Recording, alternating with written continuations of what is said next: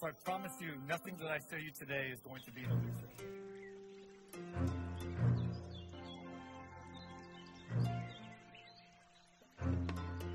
Normally, when we think about tapping into people's brains, we're like, whoa, hold on a minute.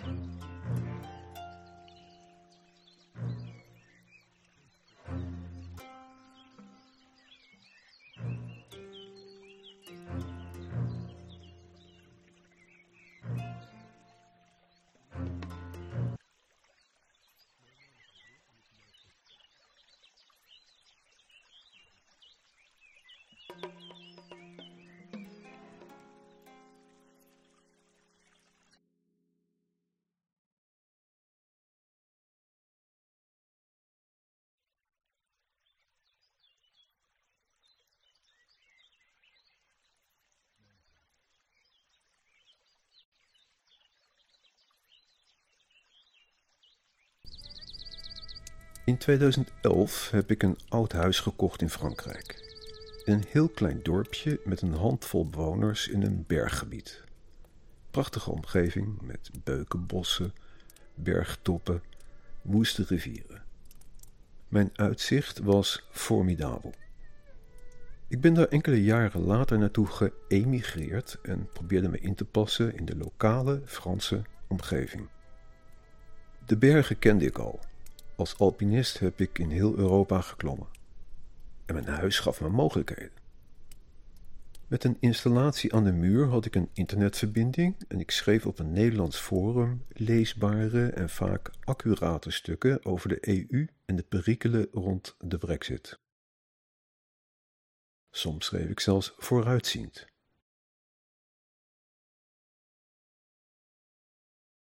Ik keek satelliet-tv met Nederlandse zenders en het Nederlandse nieuws kon ik ook volgen.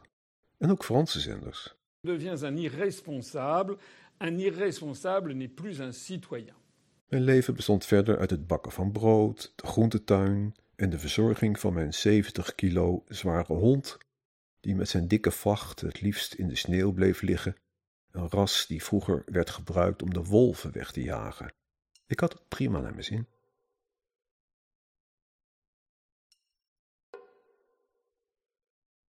In februari 2017 gebeurde er iets merkwaardigs.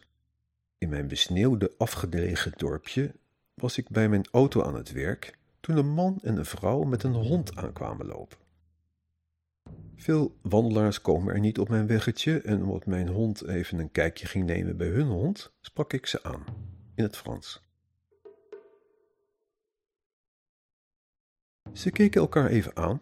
De man gaf een knikje en ze vertelde me dat ze Duitsers waren op vakantie en dat ze op een camping stonden in een naburig dorp. Terwijl de man op zijn telefoon mij een wandelkaart liet zien van de omgeving, begon de vrouw met een spiegelreflexcamera foto's te maken. Eén van mijn hond, maar daarna heel veel van mij. Niet één, maar wel tien, gericht op mijn gezicht en ze draaiden om mij heen van alle kanten. Ik vond het raar, maar ik zag geen verband. Ik vond wel dat er een vreemd accent in hun Duits te bespeuren was. Toen ik in vloeiend Duits een gesprek aanging met de man, siste de vrouw in het Frans hem toe om het kort te houden. De volgende dag ging ik naar de camping met een smoes. En al snel kwam ik op de plaats waar de kampeerders hadden gestaan, maar ze waren al vertrokken. De Franse buurman vond ze een beetje vreemd. En het waren Fransen. Frans kenteken, spraken Frans. De beschrijving van het tweetal en de hond klopte precies. Fransen die mij op de foto namen. Het begin van de ellende. Er gebeurde in de periode na deze ontmoeting een tijd niets raars en ik was het alweer vergeten. Totdat ik tijdens een uitzending van de NOS-journaal ineens mijn naam hoorde noemen. Raymond? De presentator sprak gewoon zijn berichten uit, maar tussen de woorden door hoorde ik mijn naam dwingend zeggen. Raymond? Ik stond perplex. Dat kan toch niet? De presentator sprak me aan, was ik gek geworden? Ik dwong mijzelf er niet op te letten, maar ik werd steeds opnieuw aangesproken. En als ik goed keek, zag ik dat het nooit lipsynchroon was. Er was iets gedaan met de stem van de presentator. Een laag van geluid was over de bestaande uitzending heen gelegd. Hoe dat multiplexen en subliminale boodschap technisch kan, weet ik niet. Ik dacht toen dat ik een gemodificeerd tv-toestel had. Maar logischer is dat het satellietsignaal wat gericht is op de schotel, is voorzien van een extra geluidslaag. Ik kreeg met de stem van een bekende Nederlandse presentator kleine opdrachtjes. Er begon een soort spel, een game. Ik moest wat doen en als ik het uitvoerde kreeg ik een reactie. Het was geen tweewegcommunicatie, maar ik kreeg dan een reactie in de televisieuitzending als goed gedaan, Remmel. Of ik het nu negeerde of niet, het was er. Ik moest mijn computer onderzoeken. Ik moest hem scannen op verborgen microfoons. Ik moest de luiken dicht of open doen. En voordat ik de tv aanzette, moest ik de stroom in het hele huis uitdoen. Alleen de satellietontvanger en de tv mochten aanstaan. Maar bijvoorbeeld de koelkast moest uit. Het was bizar, maar ik was ook nieuwsgierig naar wat hier aan de hand was. Het was spannend, geheim en onbekend. Ik kreeg ook veel informatie.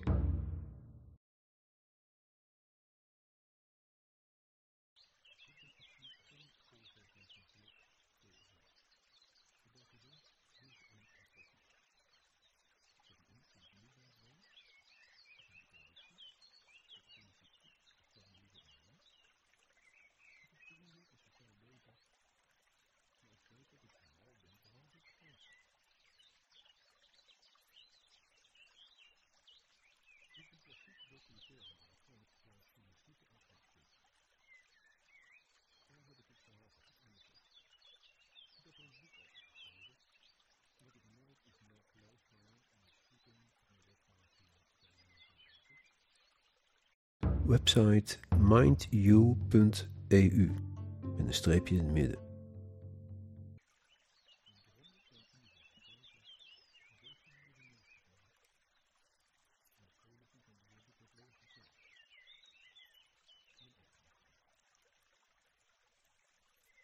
Leek me een sociaal spel, een game in die tijd.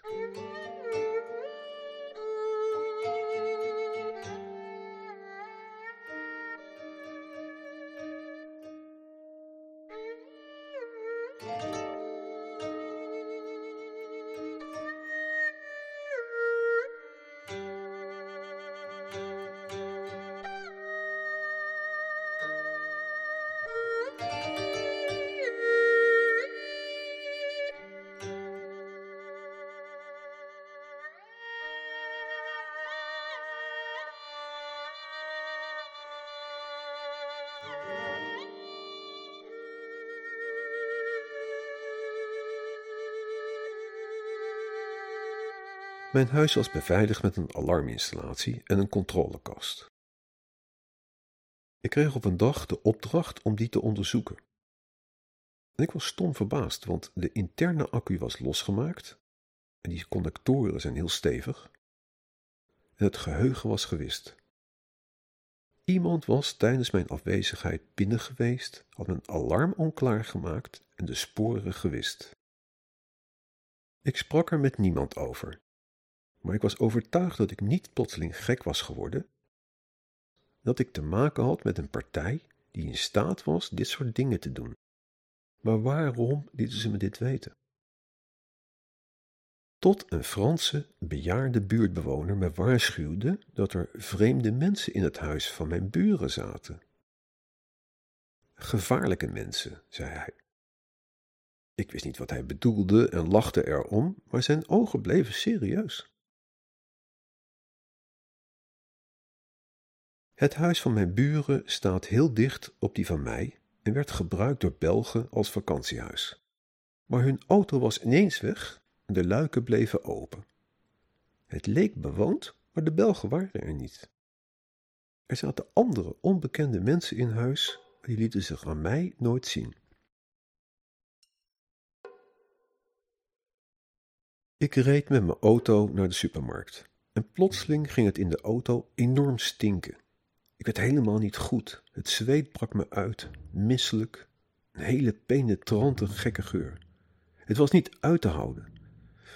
Ik stopte brusk langs de weg met de auto, haalde mijn hond eruit en ik moest zeker een half uur bijkomen. Ik onderzocht de auto, vooral de ventilatiekanalen, maar ik kon niks vreemds ontdekken. Ik deed boodschappen en ging weer naar huis, maar ik werd steeds zieker en zwakker, kon nauwelijks meer lopen en dat duurde een week.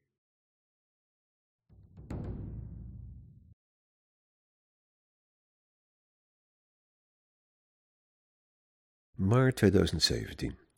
Ik ga naar de dierenarts met mijn hond. De rit gaat over een kronkelige bergweg. Het is zonnig, lekker weer. Ik heb via de presentatorstem de opdracht gekregen om te rijden met mijn raam van de auto open. Omdat ik bang ben voor een gasaanval, doe ik dat ook.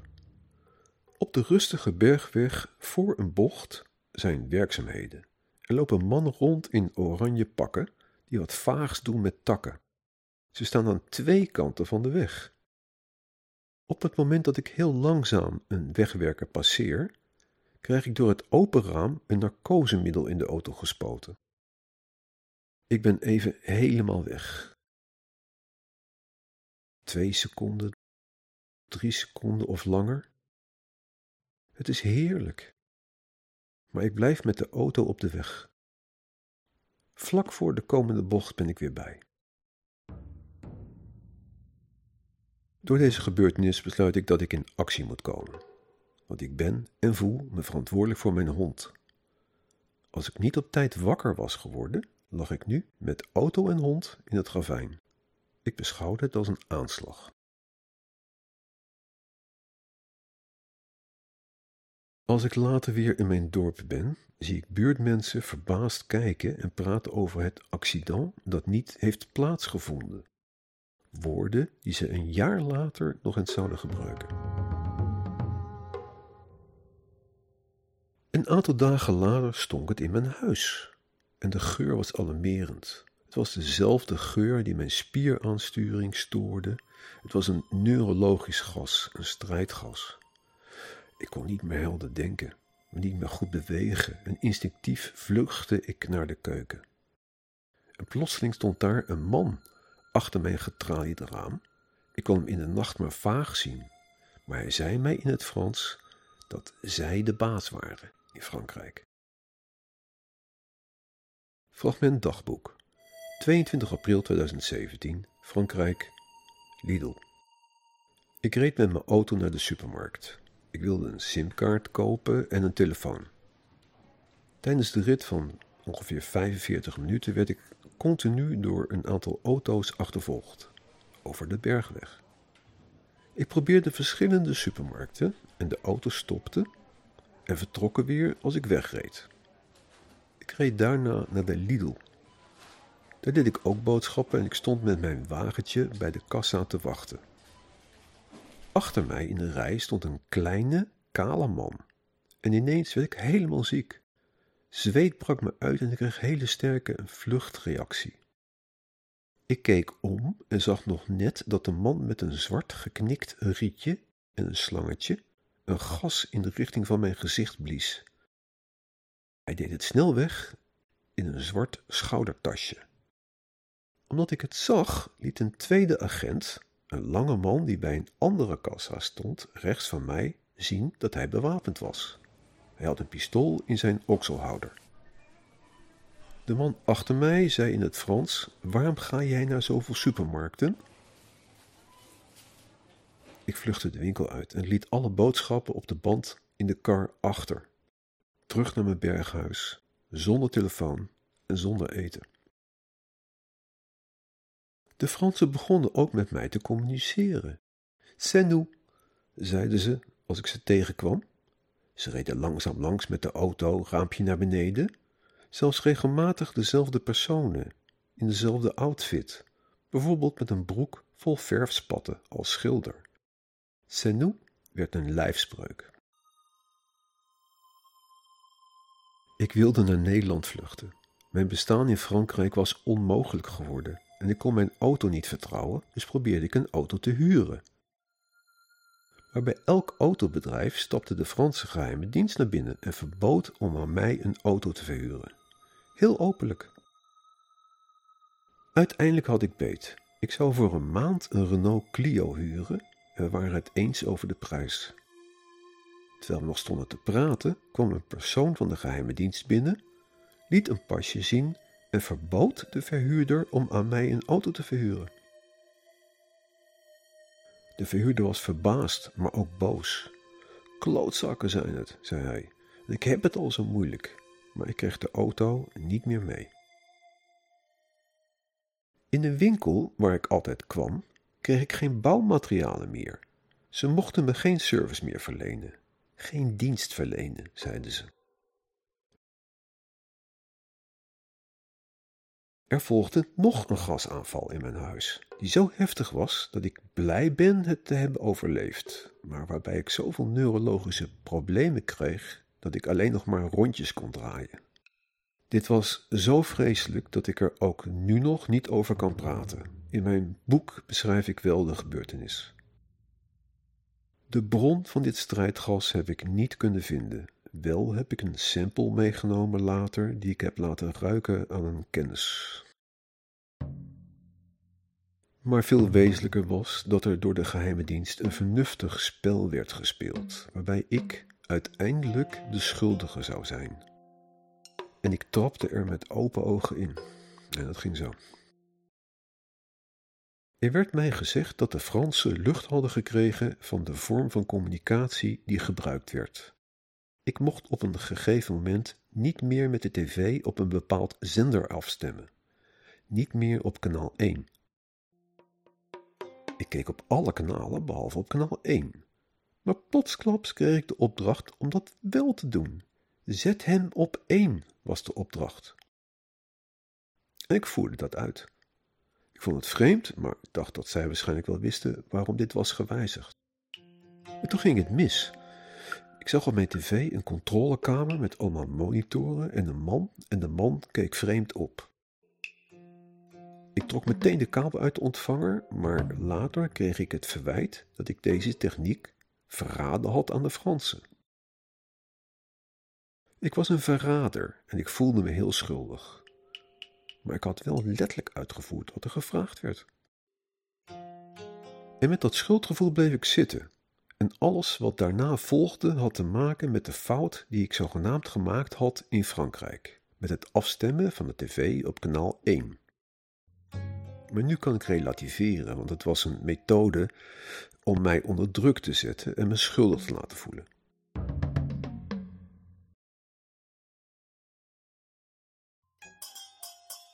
Ik werd gedwongen om iets te ondernemen. Ik werd Frankrijk uitgejaagd. Winkels wilden me niet helpen. Ik kon geen auto huren. Door de gasaanvallen kon ik niet in mijn huis blijven en mijn auto was onklaargemaakt. Via de tv werd mij verteld dat het de bedoeling was dat ik naar Nederland moest zien te komen. Alles was geoorloofd. Er werd wel gezegd dat je niks illegaals mocht doen, maar in Nederland aankomen was duidelijk belangrijker dan hoe je het dan aanpakte. Ik was ook niet de enige die teruggeroepen werd. Ze deden net alsof ik onderdeel uitmaakte van een groep. Er waren erbij die een auto stalen en terugreden naar Nederland of iemand dwongen om te rijden. Het was bijna een wedstrijd. Je kreeg ook punten. Het leek een bizarre manier van recrutering, waarbij alles op afstand en virtueel bleef. En op angst gebaseerd. Zekerheid had je niet.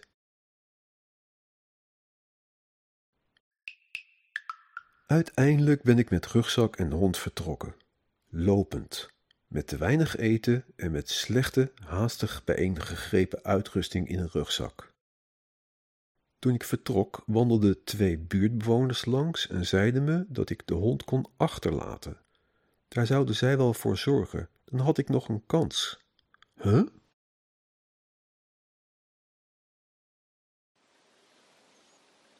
Terwijl ik door de bergen trok, en het is nog winter, probeer ik uit handen te blijven van getrainde mensen die me traceren en proberen te onderscheppen in de bergen en bossen.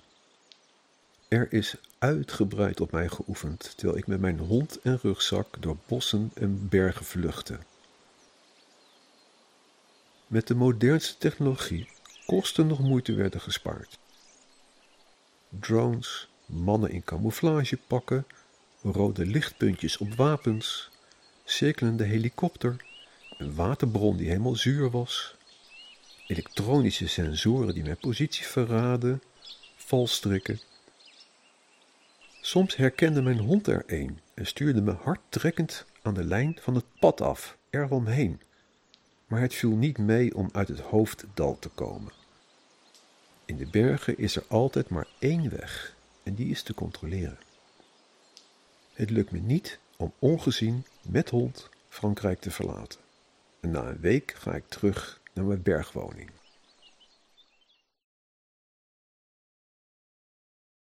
Dit was 2017. In Nederland draaide jaren later een tv-serie waarbij recruten van de Veiligheidsdienst proberen te vluchten voor de hunters die ze achterna zitten. Dit was zoiets, maar dan echt veel gevaarlijker en roekelozer. Ik was zonder het te willen en zonder ooit iets te tekenen of akkoord te gaan in een gedwongen recrutering terechtgekomen. Uiteindelijk ga ik liften naar de stad, terwijl ik wist dat wat ik zou gaan doen niet de bedoeling was. Maar met een enorme hond van 70 kilo ongezien wegkomen in de winter, dat zat er niet in. En criminele dingen doen, dat was ik niet van plan. Er stopt meteen een auto met daarin een man en een vrouw. Ze vragen waar ik heen wil en rijden me dan helemaal naar het station in een grote stad. Mijn hond, rugzak, geen probleem. Ik probeer een hotel te vinden, maar niemand wil mij en mijn hond hebben. Maar ineens kan alles. Ik krijg service, een grote kamer en mijn hond is oké. Ik word met alle egards behandeld. Ik ga nog wat eten. Het is laat en ik kom in een Vietnamese restaurant net voor sluitingstijd. Ik zit daar alleen, maar even later komt er een man binnen met baard die achter me gaat zitten en ook wat te eten bestelt. De volgende dag neem ik de TGV en nu ben ik vol in beeld. Er is een wachterij en zeker acht jonge mensen staan achter mij. Maar het volgende moment dat ik omkijk, staat er plotseling een vrouw achter me met gitzwart haar, leeftijd in de veertig. En deze vrouw heb ik eerder gezien en vertrouwde ik toen al niet. In een stad 130 kilometer verder. Nu staat ze ineens samen met een andere vrouw achter mij. Iedereen heeft haar voorgelaten.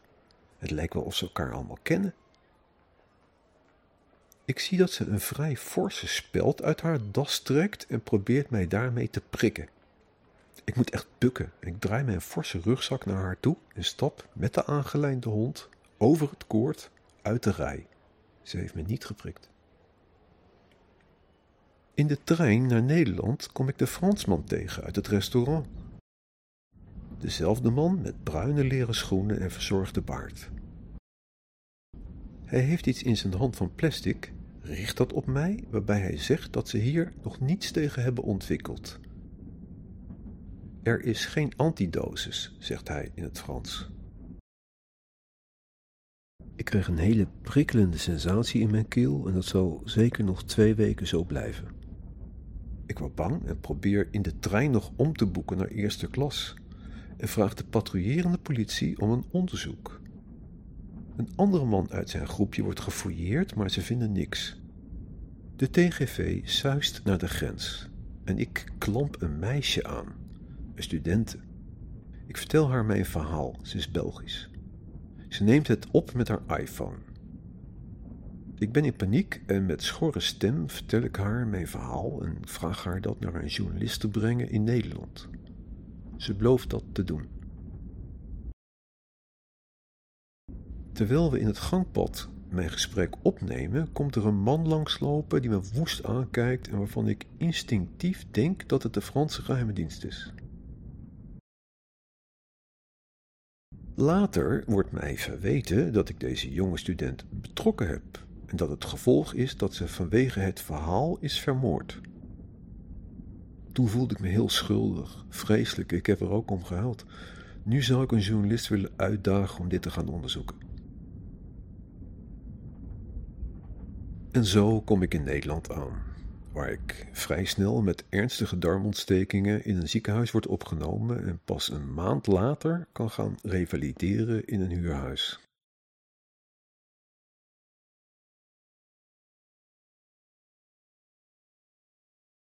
In datzelfde huurhuis stond ook een tv, die aanstond terwijl ik iets aan het doen was op mijn iPhone. Plots hoorde ik de stem van een bekende presentatrice zeggen dat mijn telefoon niet uitstond. Ik schrok me dood. Ik had niet verwacht dat ik ook in Nederland met deze techniek zou worden geconfronteerd. Ik moest het schuifje op het scherm dicht doen. Ik wist eerlijk gezegd niet hoe het werkte. Dit was mijn eerste iPhone. Ze herhaalde nog eens vriendelijk hoe ik dat moest uitvoeren. De manier om met mij contact op te nemen in Frankrijk met behulp van de tv werd ook hier ingezet. In dat Nederlandse dorpje heb ik de eerste ontmoeting met de man die zich voortdurend in mijn omgeving ophoudt, maar niets verklaart. Het is waarschijnlijk mijn contact. In het ziekenhuis staat hij ineens voor me met een grote tas aan zijn schouder waarmee hij mijn net gekochte iPhone mee had uitgepeld. En hij zei: Zie je, overal kunnen we je terugvinden, tot op vier meter.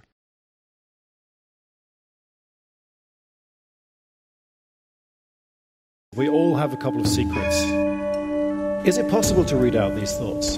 Nobody knows about them. We need to go into that part of the body that stores your thoughts, and that is the human brain. Your privacy is real the way you feel it. Deze podcastserie gaat over hoe de Nederlandse Veiligheidsdienst oefent op Nederlandse burgers. Onschuldige mensen die gebruikt worden als proefkonijn. En ik ben één van hen. Het is november 2017. Ik revalideer van een ernstige darmontsteking in een dorp in de bossen van Nederland. Mijn hond is tijdelijk opgevangen en ik wil haar zo snel als het kan weer om mij heen. Dat kan niet in dit huurhuis. Ik wil mijn leven oppakken en daarom koop ik een auto waarmee ik naar mijn huis in Frankrijk kan rijden. Het wordt een snelle, zilverkleurige Skoda four-wheel drive stationcar. Een vriend rijdt mij, de hond past achterin. Ik mag niet rijden, want ik heb mijn Nederlandse rijbewijs ingeruild voor een Franse en die is nog niet afgeleverd. Mijn dorpje maakt zich gereed voor de winter. Langs de weg worden lange rood-witte stokken gestoken, zodat je straks in de sneeuw nog ziet waar de weg loopt. De Franse geheime dienst ziet dat ik er ben, maar ze laten me met rust. Als ze me passeren in de supermarkt, een van de weinige mogelijke contactlocaties, hoor ik zacht: Vous êtes bien? Ik ben in slechte conditie, maar de hond dwingt me om steeds meer te wandelen en langzaam kom ik weer op kracht. Skiën sla ik maar over dit jaar. Drie maanden later. Het is 7 april 2018. In een dorpje als deze ken je de postbezorgers. Maar nu stopt er een onbekende bezorger voor mijn huis en overhandigt me een envelop mijn tijdelijke Franse rijbewijs. Permis de conduire provisoire. Als ik verheugd bij mijn bureau die envelop openmaak, verspreidt een zeer geconcentreerd gas uit de envelop zich in mijn gezicht. Ik inhaleer veel gas, want ik zit er met mijn neus bovenop. Er zal nog dagenlang dat gas uitademen. Het zit diep in mijn longen. Ik word in de volgende twee dagen heel ziek. Ik kan me nauwelijks nog bewegen. Ik kan de hond niet uitlaten, ik kan niet eten. Ik trek me terug op zolder met een fles water. Uiteindelijk bel ik een vriendin in Nederland en ze raadt me aan de dokter te bellen. Zodra die er is, onderzoekt hij mij, stelt vragen en besluit tot opname. De pompier, artsen en een helikopter worden ingevlogen en de hele straat staat vol met hulptroepen met blauwe flitslampen. Zonder hond en zonder kleren en schoenen, maar met mijn portemonnee, vlieg ik met de helikopter naar het ziekenhuis in een grote stad, 70 kilometer verderop. Helaas heeft iemand ook mijn bril afgedaan. Terwijl ik op de brancard in de helikopter word geschoven, zie ik de burgemeester en nog een paar mensen uit mijn dorp. Ik roep hard in het Frans dat ik een vriend ben van Frankrijk. Waarom ik dat deed? Geen idee. Je suis un ami de France, roep ik. Maar de burgemeester antwoordt dat ik een vijand ben van Frankrijk. Iemand anders uit het groepje zegt: Ça, c'est l'accident.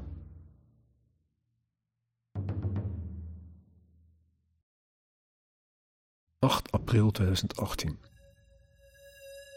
In het ziekenhuis is bloed afgenomen. Een vrouwelijke arts komt langs, ze is alleen. Ik dring aan op haar mening. Terwijl ze wegloopt, zegt ze snel en zacht dat de waardes in mijn bloed smerig zijn en ze trekt er een vies gezicht bij.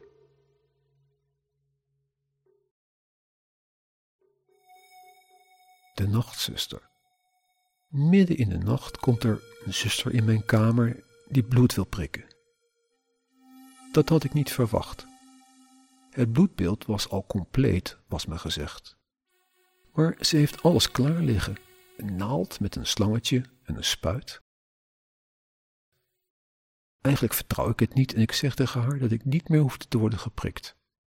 Het moet. Ze brengt de naald in zonder enige pijn, professioneel en snel, maar in plaats van bloed die via het slangetje omhoog naar de injectiespuit loopt, drukt ze de spuit leeg via het slangetje. Ik krijg iets toegediend. Zodra ze dat heeft gedaan, neemt ze de zuiger omhoog en nu stroomt er inderdaad bloed via de slang omhoog.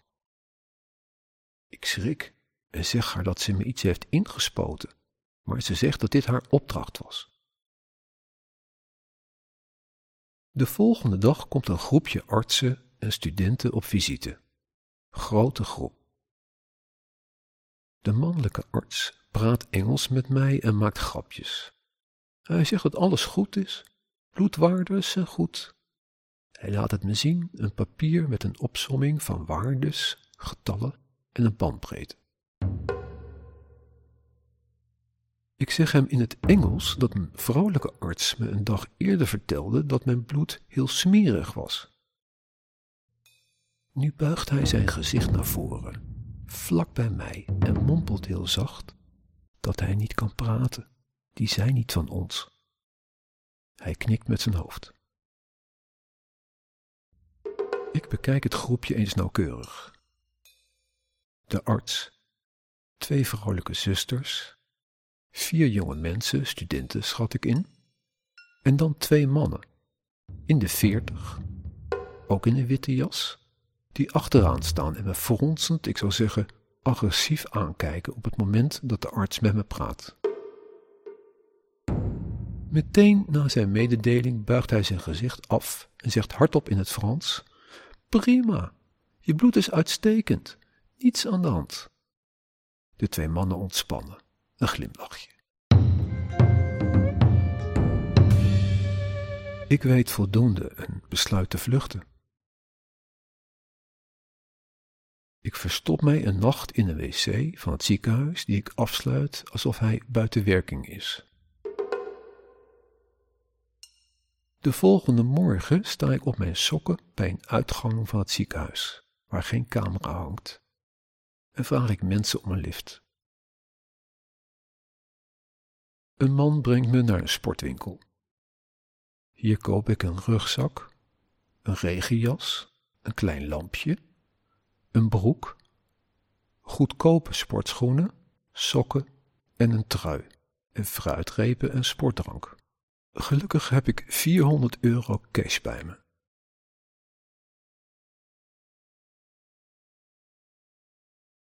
Ik lift richting Zwitserland, maar moet eerst de stad nog uitzien te komen. Omdat ik geen bril heb, kan ik verkeersborden niet lezen en moet ik heel erg zoeken. Er stopt een witte Renault Clio met twee mannen van de Franse dienst, waarvan ik er één herken.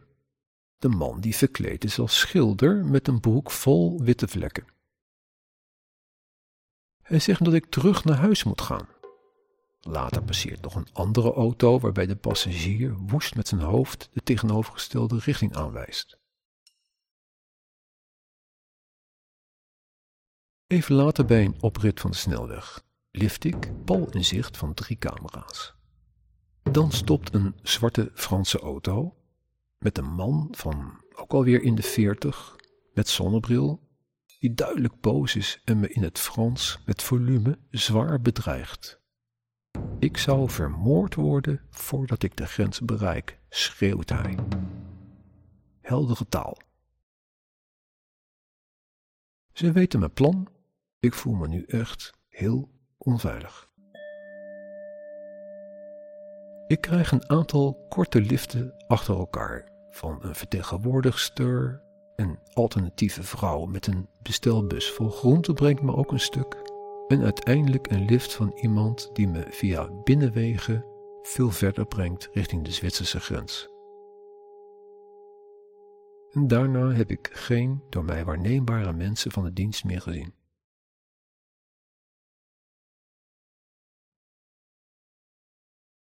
10 april 2018.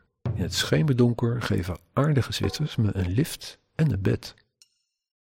De volgende dag ga ik verder naar Basel. 11 april 2018. Actie AIVD tegen de GROW bij de OPCW Den Haag. De Russen proberen in te breken in het wifi-netwerk er worden bij de Russen treinkaartjes gevonden naar Basel voor 17 april 2018 en bewijzen van het hacken van een laptop van een WADA-medewerker, het anti-doping-onderzoeksbureau in Basel.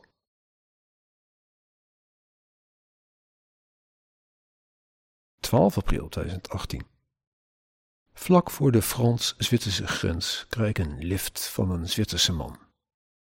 Hij rijdt me naar centrum Basel. Ik voel me veilig in Zwitserland. Hij regelt een hotel voor mij waar hij me naartoe brengt. Daarna lopen we naar de stad om wat te gaan eten. Er wordt met een drone die opstijgt als ik aanloop een opname van me gemaakt terwijl we wandelen langs de kade.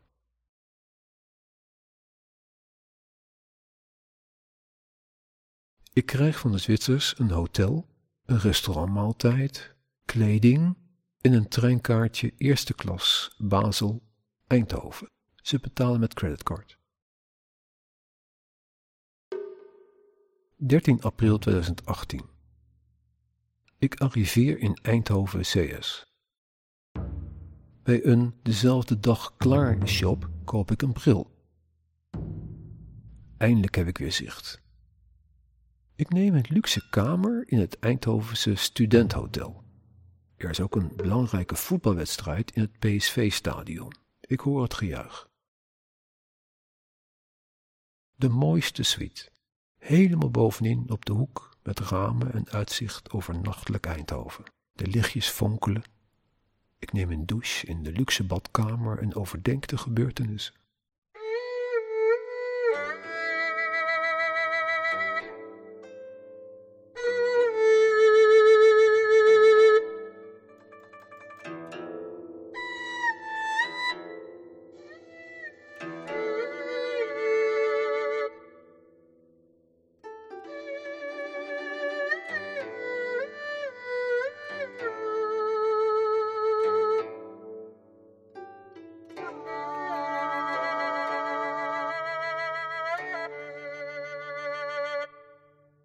Wat een contrast. Na amper zes maanden ben ik Frankrijk weer uitgejaagd. Maar wat nu? Wat is het doel? Waarom gebeurt mij dit? Waar ben ik in beland? Wat willen ze van me? Ik doe niets fout, maar het lijkt wel een film. Ik heb vrijwel geen spullen en mijn vrienden hebben me de eerste keer goed geholpen, maar nu zit ik in de herhaling. Ik voel me alleen. Ik mis mijn hond en ik maak me zorgen.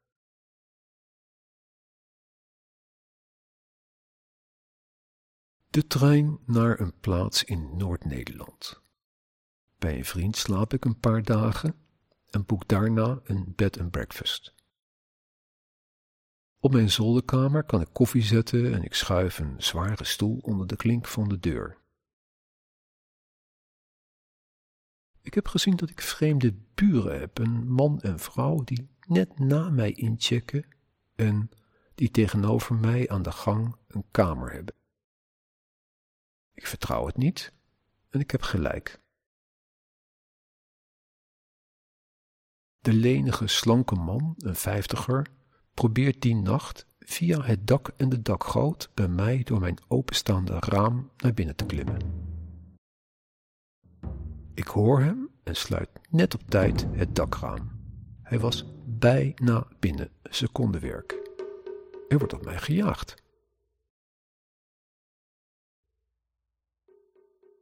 Van de veiligheidsdienst heb ik tot nu toe niemand gezien, maar dat verandert snel. Wandelend ga ik boodschappen doen en bij de ingang van de supermarkt staan twee mannen. Eén links, één rechts. Ik loop er tussendoor naar de ingang. Ze kijken streng en nors. Op het moment dat ik passeer, hoor ik een boodschap die even tijd nodig heeft om door te dringen. Het is een boodschap met een laag geluid op een drukgolf. Ik noem dat een geluidsbom. De mannen hebben onder hun kleding of in een tas een apparaat waarmee de boodschap afgespeeld wordt. Je hoort met je oren iets. Het is een drukgolf die je een beetje ontcijferen moet. Het duurt even. Je moet je concentreren, maar dan hoor je gesproken woord. Ik stond stil en luisterde, mijn hoofd iets naar beneden gebogen. Van deze boodschap weet ik niet meer precies wat het was. Het was iets dreigends of ik moest binnenkomen via een afspraak, ik weet het niet meer. Dit was de eerste keer dat ik met dit systeem zo'n boodschap kreeg. Ik probeerde in die tijd en ook later te negeren als ik aangesproken werd volkomen negeren, alsof ik het niet hoorde. Ze werden helemaal dol van mij. Maar de toon was nooit prettig, de fysieke gelaatstrekken ook niet, ik laat me niet dwingen. Ik heb hier niet voor gekozen.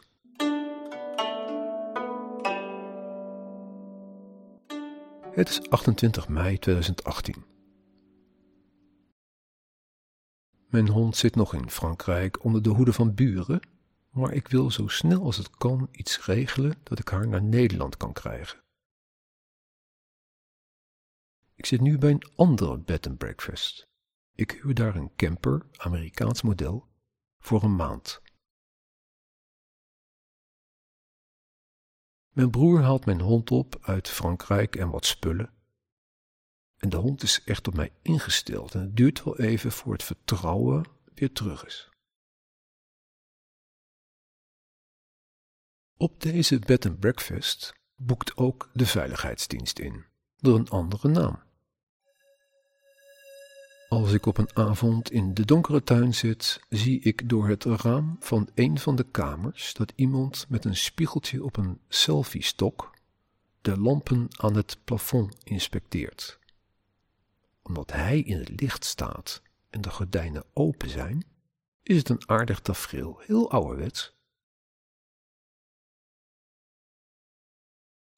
Er zijn verschillende nationaliteiten hier. Het is druk. De veiligheidsdienst begint een systeem te gebruiken om met perslucht wolkjes gas en richting op te schieten. Twee Belgische mannen schieten tranquilizers als kleine gasbommetjes in mijn richting, gewoon als ik op een stoel zit voor de camper. Ik ben er dagenlang prettig onder van. Schor, maar ik vind het ook wel lekker. Ik kon even vergeten, ik vond het niet erg. Later begreep ik dat ze vonden dat ik heel beschadigd was teruggekomen uit Frankrijk. De Fransen waren veel te ver gegaan, ik was te opgefokt en ze durfden me niet te benaderen zonder dat ik tranquilizers toegediend had gekregen. Een soldaat met oorlogstrauma.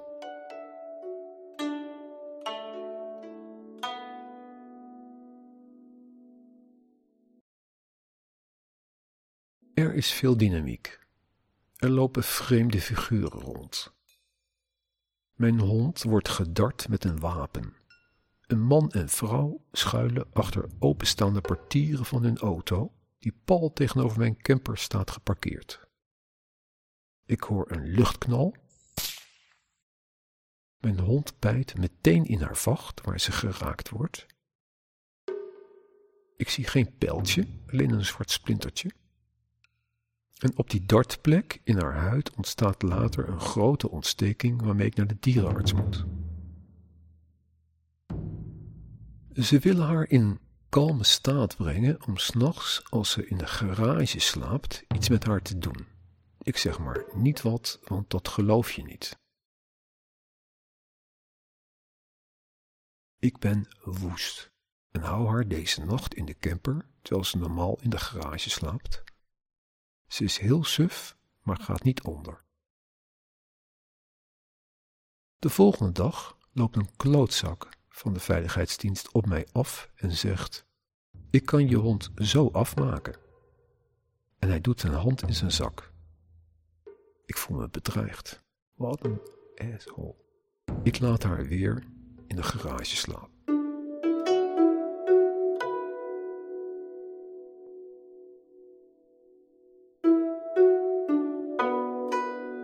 Is lente.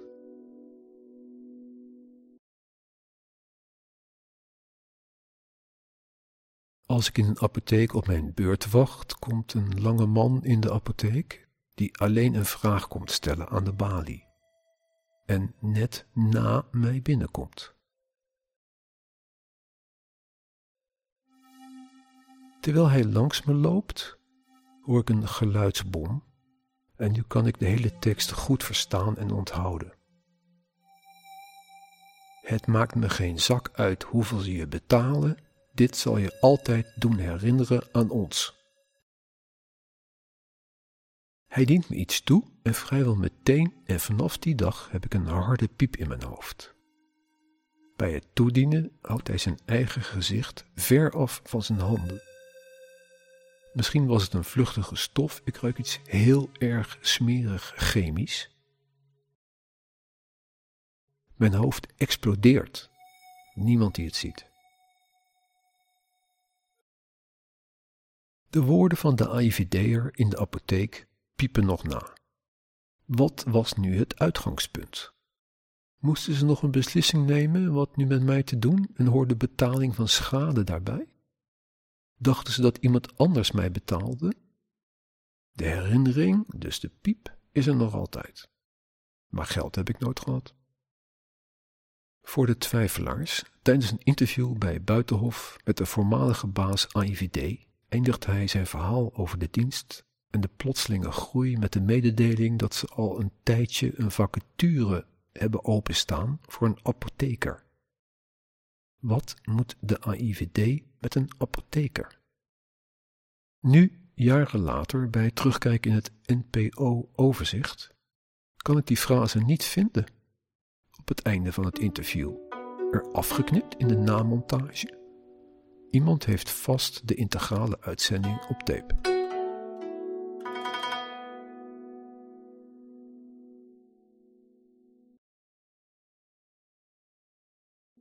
...24 mei 2018. Ik sla veel interessante dingen over, maar ik heb mijn hond achtergelaten bij de bed and breakfast. Ik laat haar daar achter omdat het voor haar beter is niet meer bij mij te zijn. Een reis vanuit Leeuwarden, zonder hond, naar Amsterdam met een taxi. Dit afscheid van mijn hond vergeef ik de dienst nooit. Ze komt wel goed terecht, maar ik mis mijn hond nog altijd.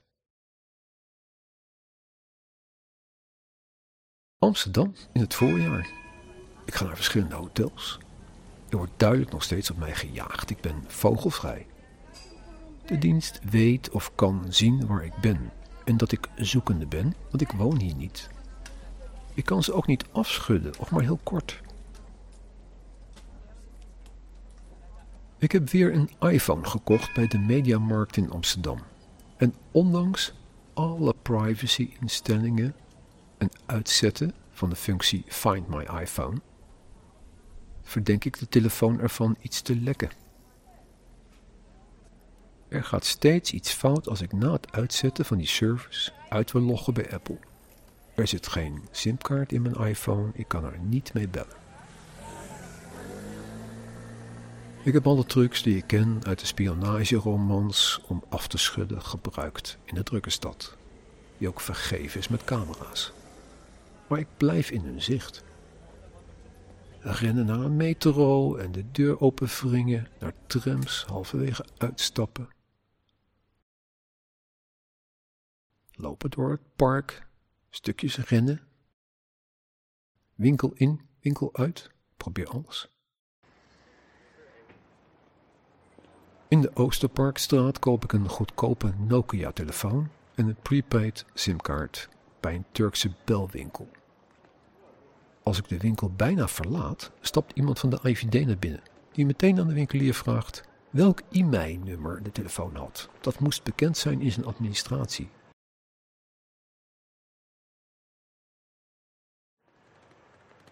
Waarom mag ik het horen?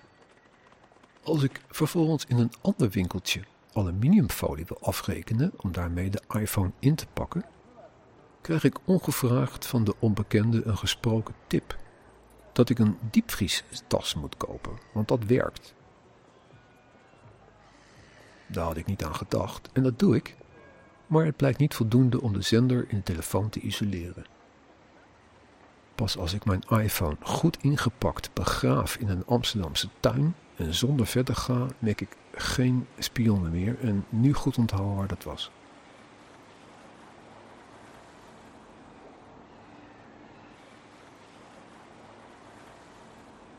Ik weet niet wat er aan de hand is. Er wordt op mij gejaagd door internationale teams. Ze maken het me zo moeilijk als het maar kan. En ik moet me maar zien te redden. En soms krijg ik een tip. Ik zag het zeker niet als een leerschool, maar als een gedwongen recruitment. Zonder mijn consent. Ik moest er maar gaandeweg achter zien te komen. Zo wandel ik door Amsterdam en probeer gesprekjes aan te gaan, omdat ik een hotel zoek. Ik ontmoet iemand in de supermarkt die me meteen een kamer aanbiedt, maar ik vertrouw het niet. Zo happig. Ik weet dan nog niet dat mijn gangen toch gevolgd worden en dat het tamtam is gebruikt. Iedereen van de geheime dienst die in mijn buurt is, moet proberen om mij aan te spreken. Ze weten dat ik zoekende ben, zullen me binnenhalen.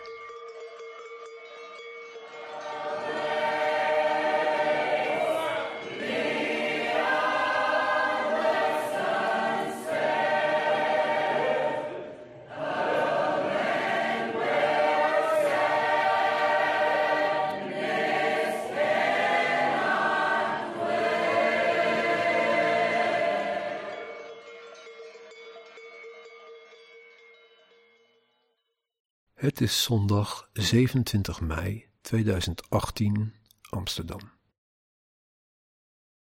Ik bel lang met mijn broer met de prepaid telefoon en steek een plein over. Het is zondag, maar de winkels zijn open. Nadat ik terugloop met stroopwafels, zit er op de stoep een vrouw.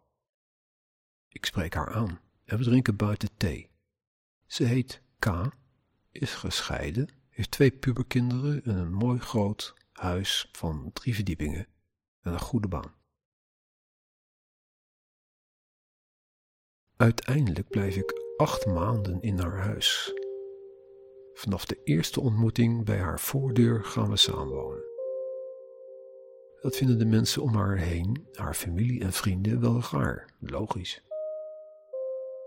Ineens zit ik in een huis met een vrouw en twee pubers en delen we alles. Ik voel ontzettende noodzaak te praten over wat met mij is gebeurd in Frankrijk.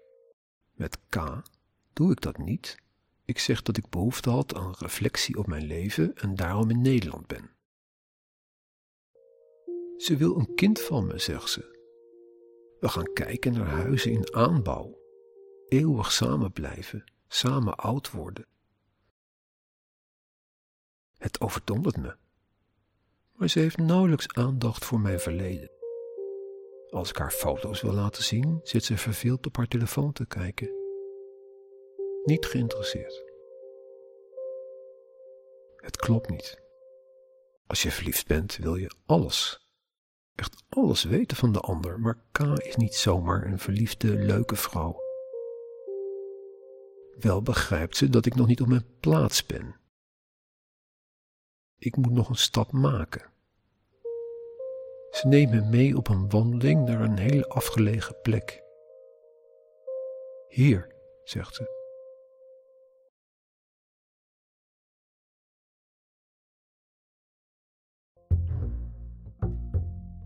Today, the mind is the new frontier. Sergeant Raymond Shaw. Path ahead is not without obstacles and risks.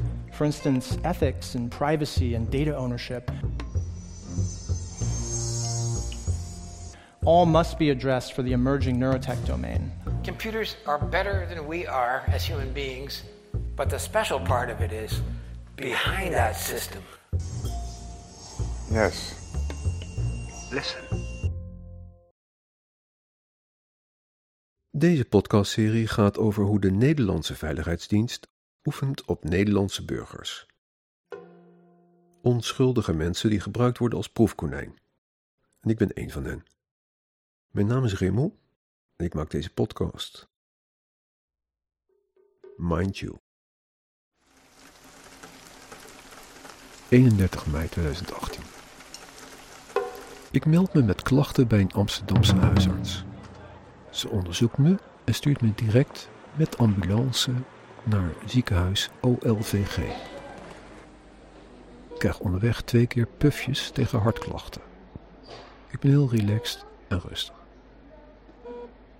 Als ik op mijn bed lig, na de onderzoeken in het ziekenhuis, brengt een jong zustertje mij boterhammen. Met geschrokken gezicht. Ze zegt me het niet op te eten, want er zit iets doorheen. De vrouwelijke arts bezoekt mij en mompelt dat het is om rustig te worden. That's it. Ik sta op en verlaat het ziekenhuis via een nooduitgang in de kelder. Daarbij passeer ik een bewaker achter een glazen wand. Ik moet ook nog een deurdrains ontkoppelen en er gaat een alarm af. Nu ben ik buiten en ook al voorbij de normale uitgangen, nu nog van het terrein af. Bij het verlaten van het terrein, bij het tweede hek, staan een man en vrouw bij een auto me verbaasd aan te kijken. Ik heb ze overlopen. De man zegt: Ik denk dat jij met ons meegaat. Ik zet het op een stevige pas, de stad in. Ze roepen mijn naam nog. Remel? Meest duidelijke oppikmoment. Ze weten mijn naam. Maar ik ga niet mee in een auto van een veiligheidsdienst die me eerst tranquilizers of andere medicijnen probeert toe te dienen.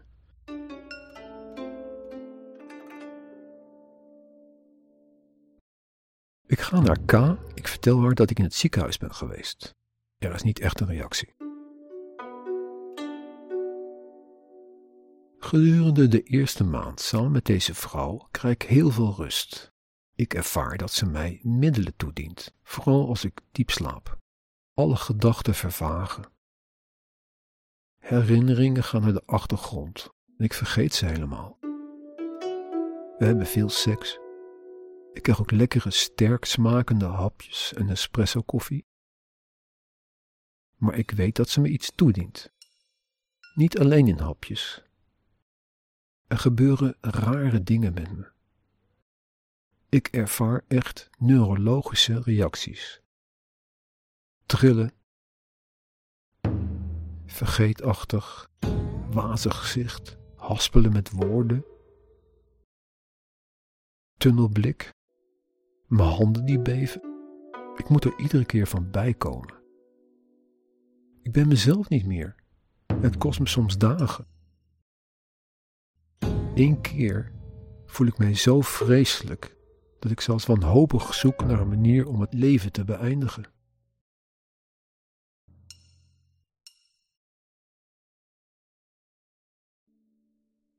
Ik ben overgeleverd. Ik zie geen alternatief.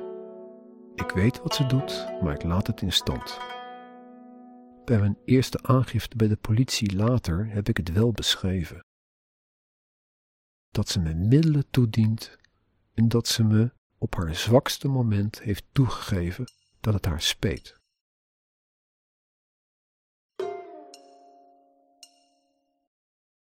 De zoon van K is jarig en daarom wil ze eerst langs een winkel. We gaan samen. K rijdt met de gehuurde elektrische auto en plots hoor ik gekwetter. Ze heeft een in-ear oortje in, die te hard staat. En ik hoor de opdrachten. We stoppen bij een klein winkeltje, kopen een tegoedbon, maar het inpakken van de bon duurt lang, heel erg lang. dan komt een grote man het winkeltje in en staat achter mij. Opnieuw bedreigt hij mij met een geluidsbom. Ik verlaat geschrokken het winkeltje. Een hele lelijke man staat buiten. AIVD. Je moet binnenkomen. Zomer 2018. K is jarig. Feestje, hapjes, ik draai muziek. Ook gedurende de dag lopen mensen binnen. K stelt me smiddags voor aan een onbekende jonge man. Ze zegt: Dit is de zoon van Hans. Die was een goede vriend van mij. Ik geef de jonge man een hand. Die middag lig ik boven in bed, moe met buikpijn. Dat is vreemd. Ik las jaren geleden in de krant dat huisjesmelker Hans was vermoord.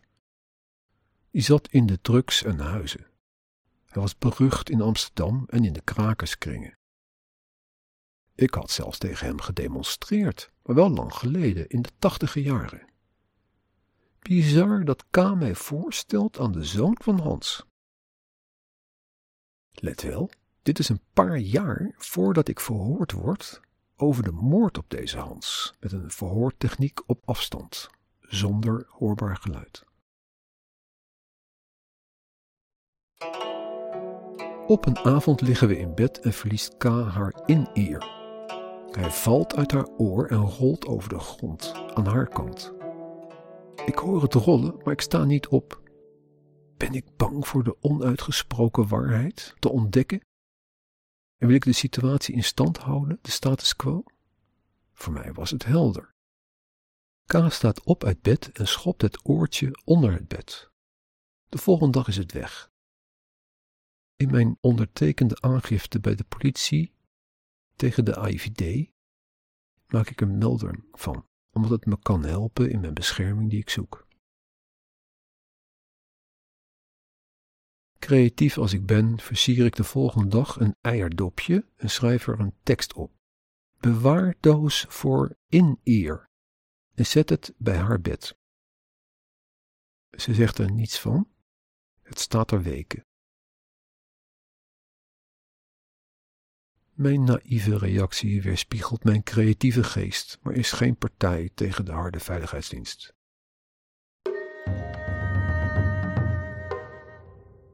We liggen in bed in Amsterdam. K staat op en verlaat de slaapkamer even naar de badkamer. Ze komt terug in bed. Ik hoor een breekgeluidje, een ampul die wordt doorgebroken. Ik ruik een chemische geur en val in slaap. Als ze dat twee jaar later nog een keer doet in een ander huurhuis waar ze op bezoek komt, en ik, als ik wakker word, heel veel moeite heb met tijd, met mijn besef, is eindelijk het punt gekomen om definitief uit haar buurt te blijven.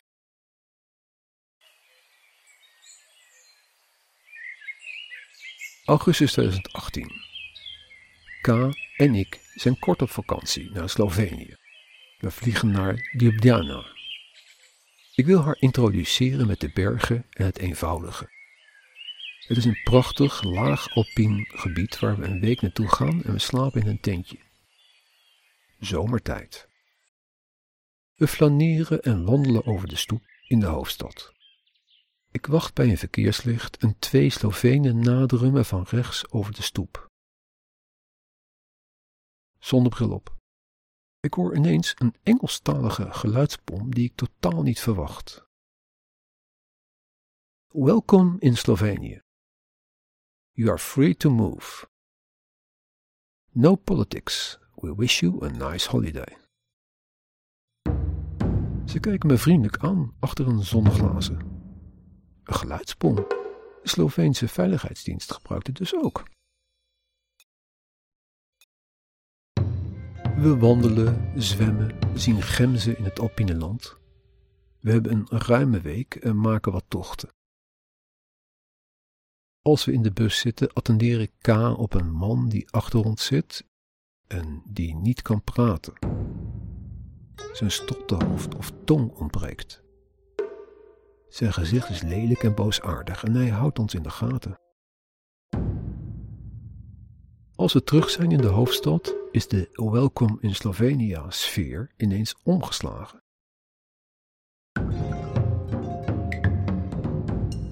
We zitten wat te drinken op een terrasje, tussen andere mensen in. Als plots een man met een grote tas tussen de tafeltjes doorloopt. Terwijl hij passeert hoor ik een Engelstalige geluidsbom met vrij veel tekst. Het is een heel laag geluid dat je even ontcijferen moet. En wat ik herinner is: verrader, je wordt vermoord. Ik hoor die tekst. Ik kijk gelijktijdig naar een jongen die tegenover me zit. Ik zie dat hij ook iets reageert, maar hij, hij merkt alleen de drukgolf.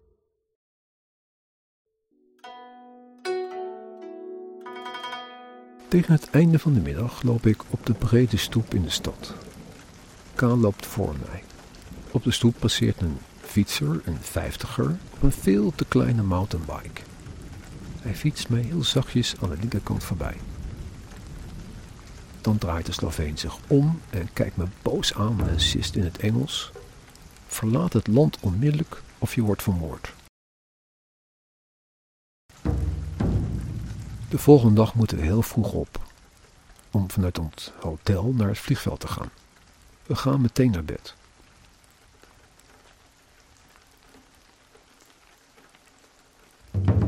K zet een glas van de wasbak op de deurklink van ons hoteldeur naar de gang als voorzorgsmiddel. En die methode verbaast me inwendig.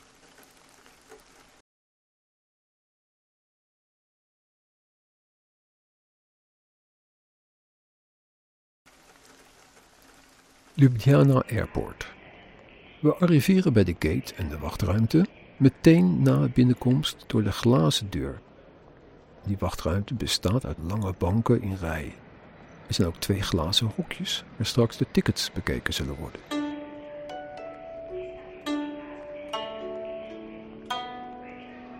Er zitten op de hoek van de bank twee mannen. Terwijl ik langsloop, zegt een van hen zacht in gesproken woord: Raymond, AIVD, je wordt bedreigd. We zijn hier om je te beschermen. K zit naast mij in de gate en ze heeft niets in de gaten. Mijn rug is niet gedekt. Ik voel me niet pluis en ik dwal weer door de wachtruimte en ga ergens anders zitten. Terwijl ik rondloop, word ik in de gaten gehouden door een Sloveen. Hij komt naar mij toe en zegt me in het Engels dat ik alleen beschermd word door de Zwitsers. En daar zijn ze niet bang van. Zegt hij. De Sloveen op zijn beurt wordt weer in de gaten gehouden door de langste AIVD-man, die duidelijk laat zien dat hij er is. Een spel van bewegende mannen die elkaar in de gaten houden. Als ik bij een stadskaart op de muur stilsta op een rustig stuk en die bestudeer, komt er een andere Sloveen naar mij toe en zegt in het Engels zich te excuseren. You are very special. You are protected by the Swiss and the Dutch. Our apologies. Dit was mijn steered not shaken moment. We vliegen terug naar Amsterdam.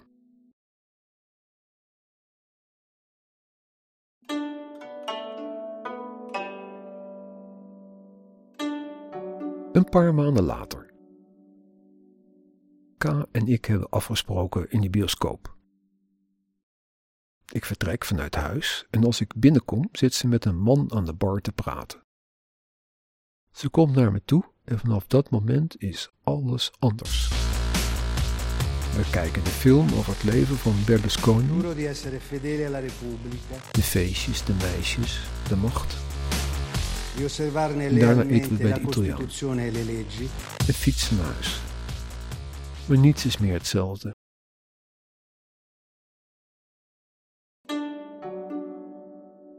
Er is ineens afstand.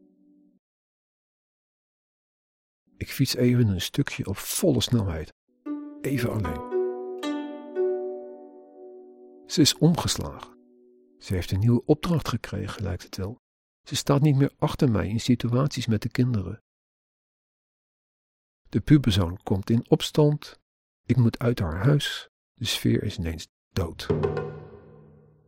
Wekenlang zoek ik online een huis in onderhuur. In Amsterdam is er niets dat ik kan betalen. Op andere woningen die ik online zoek, krijg ik geen reactie of de telefoon krijgt geen contact. Ook niet bij herhaald bellen. December, oud en nieuw, 2018-2019, proosten nog met door mij gekochte champagne.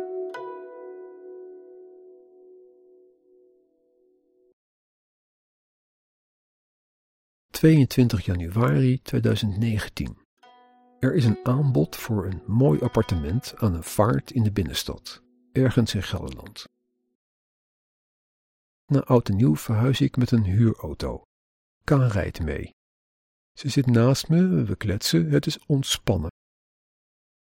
Maar vlak voor ik uitstap om deze huurauto af te leveren, zie ik vanuit mijn ooghoek dat ze heel vlug, met een zwart verstuivertje die ze in haar hand heeft, op mijn nek richt. Ik had het totaal niet verwacht. Ik had het niet mogen zien waarschijnlijk. Ik raak in paniek en probeer mensen te bellen. Mijn broer, vrienden. Ik weet niet wat ze heeft gedaan. Ik wil laten weten waar ik ben en met wie. Ik spreek in op een ander apparaat. Wat was dit? Dit doet gevaarlijk aan. Maar het zal me later op station Zwolle nog twee keer overkomen dat iemand met een zwart verstuivertje me in mijn nek probeert te spuiten.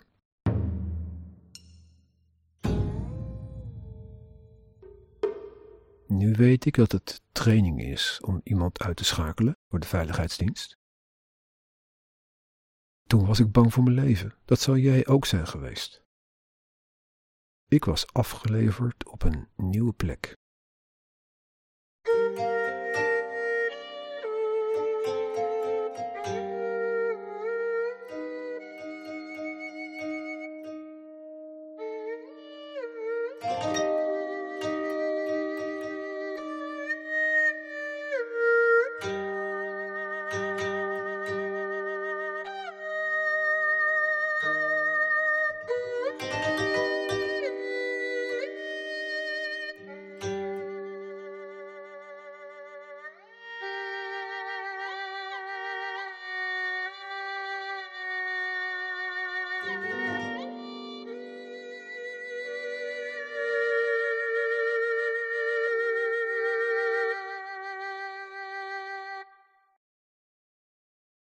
Het is winter.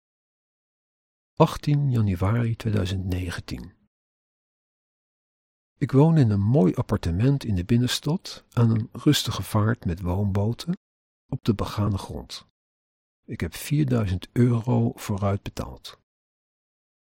Nu ik alleen woon, kijk ik tv, luister naar radio, gebruik internet en bel veel. Er zijn dus veel momenten van communicatie en mogelijkheden voor de IVD om die te manipuleren. K komt om de veertien dagen langs en blijft dan slapen. Ik miste haar enorm. Het leek of ik verslaafd was aan haar, letterlijk. Ze dient me iets toe in mijn slaap. Als op een dag de trap oploopt richting de slaapruimte en ik naar voren stap, zie ik dat ze een injectiespuit in haar hand heeft, die ze snel verbergt. Ik leed een beetje aan het Oedipus-syndroom, waarbij de gegijzelde gaat opkomen en houden van zijn gijzelaar.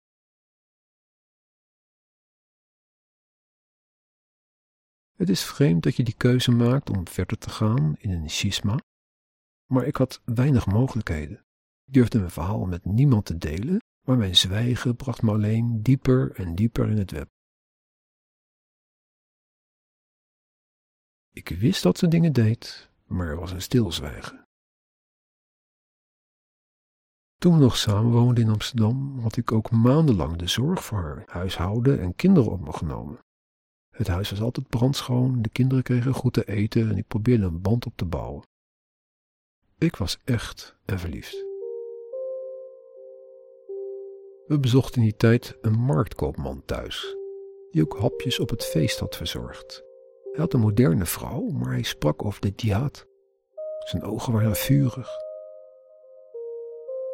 Twee weken later kwam ik terug bij K, de jihad. Dat jij dat nog weet, zegt ze. En ze verbeterde mijn geheugen met een betere weergave van zijn uitspraak. We hebben hem alles gegeven en geholpen, maar hij blijft radicaal, zegt ze. Er begon een vervelende periode. En ik stond alleen. De opdracht aan K was gewijzigd, de relatie was anders, het ging nu om actie, mij gebruiken voor trainingsdoeleinden.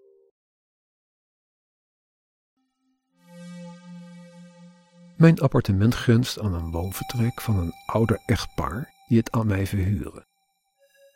Op een dag ervaar ik een hele sterke storing in mijn appartement, gekmakend.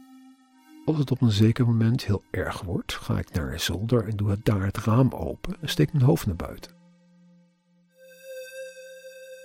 Een man loopt buiten mijn pand en schreeuwt: Doe dat raam dicht! Ga naar binnen! De AIVD loopt rond mijn huis. Ze willen me in dat huis vastpinnen.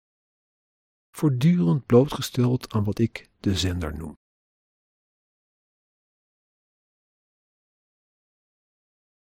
Het narratief van de IVD is dat ik uit moet kijken voor de Fransen. Zij zijn erg, maar de Fransen nog veel erger. Ze beschermen me, zeggen ze, maar feitelijk zetten ze heel veel druk. Er worden allerlei spookverhalen met me gedeeld via de tv Tamtam, maar ik zie ook in dat beloftes nooit uitkomen en soms is de informatie erg ongeloofwaardig. Het is een psychologisch spel en ik ga steeds minder geloven.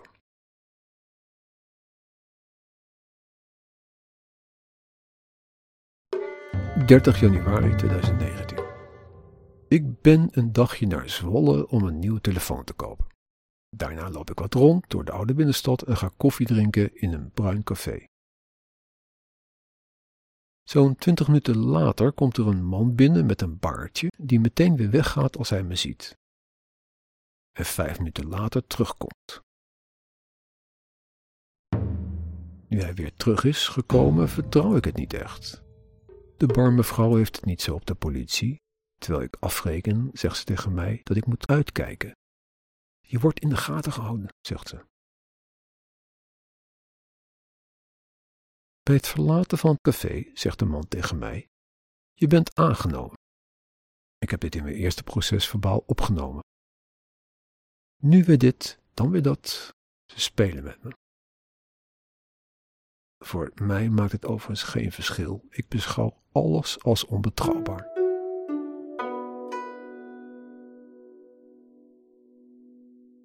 ...2 april 2019 om kwart voor zes. Ik ren naar de supermarkt. Rennen omdat de dienst mijn bezoek gebruikt om interceptie toe te passen. Ik pak snel twee dingen en ga in de rij staan van de kassa. In aller, allerhaast schuift een man achter mij in de rij zonder spullen en zegt: We hebben respect voor je vechtlust, maar je gaat eraan. Een witte SUV staat op de parkeerplaats met een vrouw achter het stuur. Die auto staat daar iedere keer als ik boodschappen doe.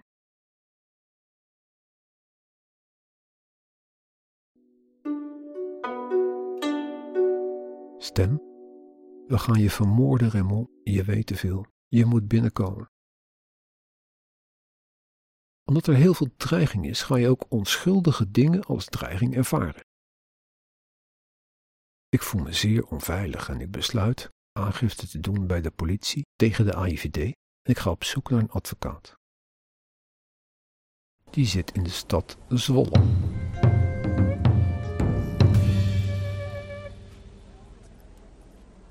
En ik wandel door het centrale deel van de stad. Op een heel rustig stuk met grote statige huizen vraagt een vrouw me de weg. Normaal ben ik behulpzaam, maar nu loop ik snel door. Ze kijkt om zich heen of iemand kijkt en daarna neemt de vrouw met een lange, flodderige jas me op de korrel met een paraplu-geweer. Ik ben net op tijd buiten haar bereik weggelopen. We krijgen je wel, schreeuwt ze gefrustreerd. Mijn intuïtie redt mij weer. Een vrolijke jongen passeert me later en zegt tegen mij: Dacht toch niet dat het echt was? Maar voor mij was het keiharde realiteit. In 2019 had ik nog niet het besef dat al die ellende er was omdat ze wilden oefenen. Voor mij was het eenzame realiteit.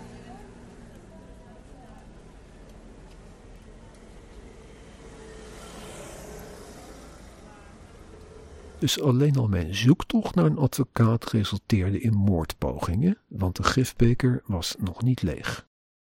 Op station Zwolle probeerde op twee verschillende momenten mensen met een spray in een klein zwart verstuivertje iets in mijn nek te spuiten. Eenmaal op de vaste trap bij de snackbar. Een jonge man in zwarte outfit, een dertiger, grijnst en kijkt verbaasd als er niets gebeurt. En eenmaal op het perron, als ik daar sta en een lange grijze man met slecht gebit, die via de roltrap omhoog komt en in een vloeiende beweging met het zwarte flesje mij iets in de nek spuit. Ik ben te verbaasd om te reageren. Was het een oefening? Mijn idee toen was dat ze probeerden om me te vermoorden, maar dat het mislukte. Of kreeg ik hier les in hoe het moest? Ik moest praten als brugman en valkuilvragen beantwoorden, maar uiteindelijk geloofden ze me wel op het politiebureau. De aangifte poging tot doodslag is opgenomen in februari 2019. Ik benoemde moordpogingen, de oproep om binnen te komen en ook K met haar rollende in-ear. Door mijn aangifte staat er iets op papier. Er is een feitenrelaas, een beschrijving. Ik hoop op die manier een betere bescherming te krijgen als Nederlander met burgerrechten. Na mijn aangifte wordt de druk nog meer opgevoerd, dus helpen doet het nauwelijks. Het is even een tijdje rustig, maar dan komt de volgende aanval. En nu zijn er ook gevolgen. Tijdens een busrit naar Zwolle stappen na mij een jongen en meisje in de bus. Ik moet even wachten en op dat moment sprayen ze mij. Ik hoor ook het geluid van de verstuiver. De jongen die dat doet en achter mij staat, zegt hardop tegen mij: Moeten de jongeren het weer opknappen? Ik ga in de bus op een zetel zitten en ik krijg bijna een hartaanval. Mijn hart gaat tekeer. Sneller, sneller. 180, 190 beats per minuut. Ik ga bijna uit. Ik heb vele jaren getraind en ik ken mijn lichaam en ook mijn hartslag in rust en mijn max. Ik probeer bij te blijven. Terwijl de bus gewoon zijn weg aflegt.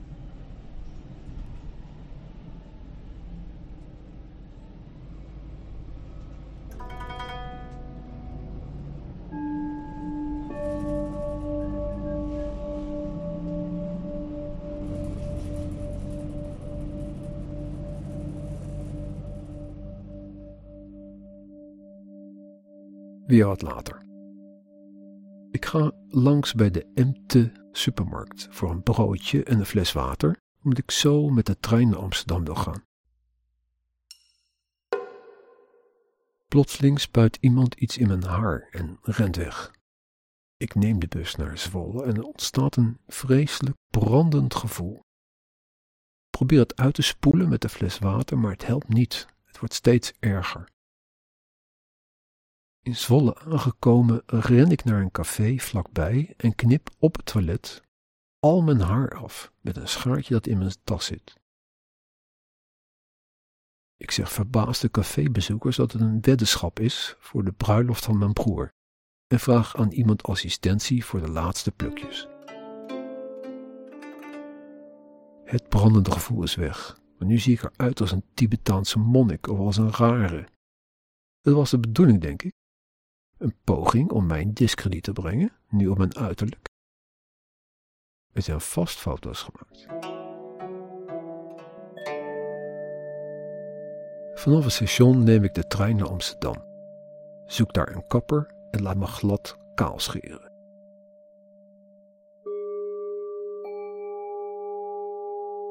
In een espresso bar bel ik naar K.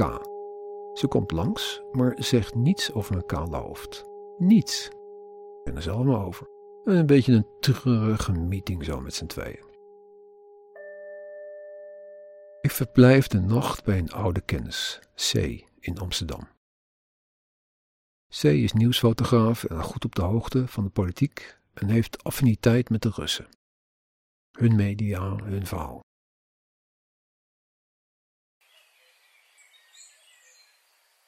Ik verlaat in de ochtend C zijn huis, zo plotseling dat ik iemand overloop die zichzelf heeft geparkeerd op de stoep voor het huis van C en doet alsof hij zwerver is. Ik zie nog net dat hij iets doet met een apparaat en een antenne op een handstatief. Terug naar huis ontloop ik de man met de paraplu en schud andere vermeende agenten af en ga incognito naar mijn huis door vaak over te stappen op verschillende treinen in verschillende richtingen en door me te verstoppen in groepen toeristen camera's te ontlopen. Deze training hebben ze verloren. Via de tv Tamtam krijg ik complimenten. Goed gedaan, Raymond. Ze hebben je niet gezien. Ik ben een onbetaald proefkonijn geworden en de veiligheidsdienst gebruikt me als een speeltje. Straling, spuiten, medicijnen, slaapmiddelen, prikken, moordpogingen, afluisteren en volgen. Ik maak alles mee. En of ik wil of niet, ik leer ervan. Maar ik beschadig ook mijn oorspronkelijke zachte kant. Elon Musk is at it again. I think in the future you'll be able to save and re- replay memories. If you have a whole brain interface coded in memory, you could basically store your memories as a backup.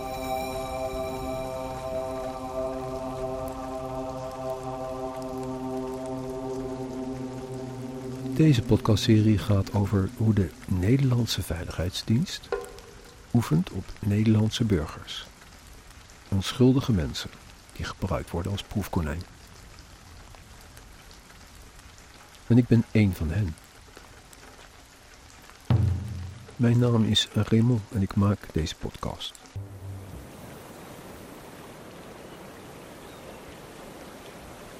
Ik woon in een mooie buurt. Rondom mijn huis zijn bossen en velden. Ik train een beetje en probeer zo weinig mogelijk thuis te zijn. Ik werk aan een creatief project. En mijn schrijfwerk kan ik ook portable doen. Ik fiets vaak en hard in deze prachtige omgeving. Als ik vrij snel over het fietspad een bocht nader, waar ik snelheid moet minderen, komt een vrouw vanaf het talud richting de bocht gelopen.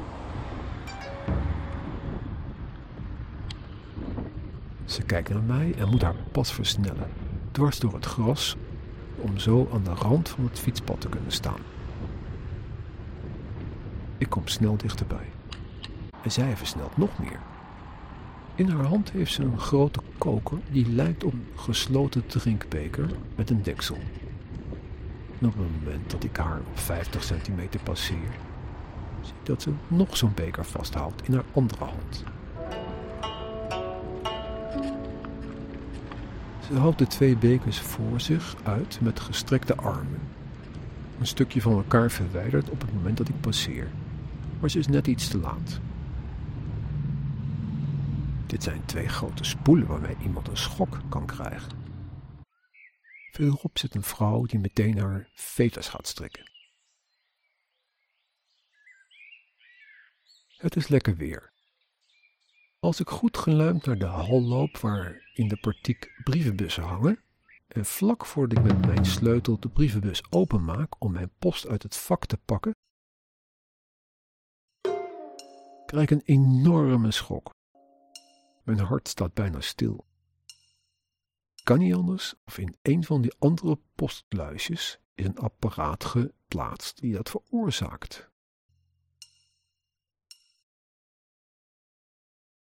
Geen geintje, dit was een elektrische schok met grote kracht.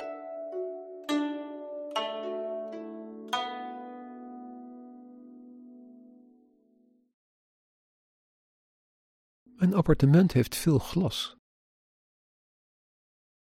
Als ik achter mijn statige bureau zit, met mijn rug naar de muur, kijk ik op de vaart met woonboten en een monument. De glazen pui biedt zicht rondom. Op een middag zit ik achter mijn bureau te werken en op het moment dat een vrouw langs mijn raam loopt, stopt mijn MacBook Air met werken. Na een maand start gelukkig de MacBook weer op. Dan loopt dezelfde vrouw weer over het stoepje, langs mijn glazen wand, en in haar hand heeft ze een afstandsbediening groter dan de autosleutel. Ze richt die heel kort op mij en weer valt de computer uit. Ik ga naar buiten en loop er achterna. Ze heeft een rode Peugeot om de hoek staan en ze stapt in en rijdt weg.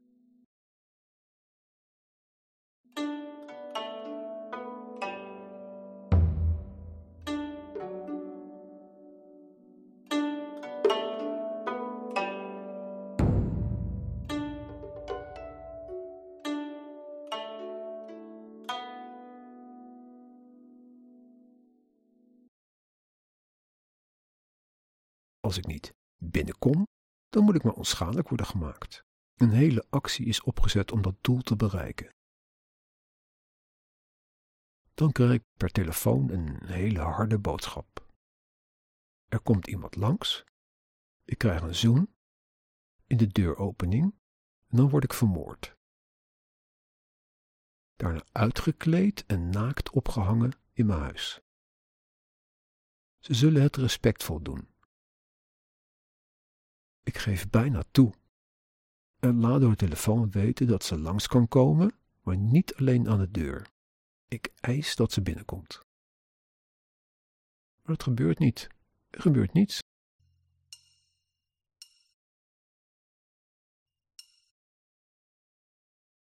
Juni 2019. Ik verhuis weer naar een ander stadje.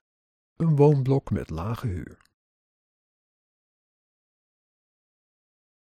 Ik heb een appartement op de begane grond, tuintje op het zuiden en zit vlakbij een winkelcentrum.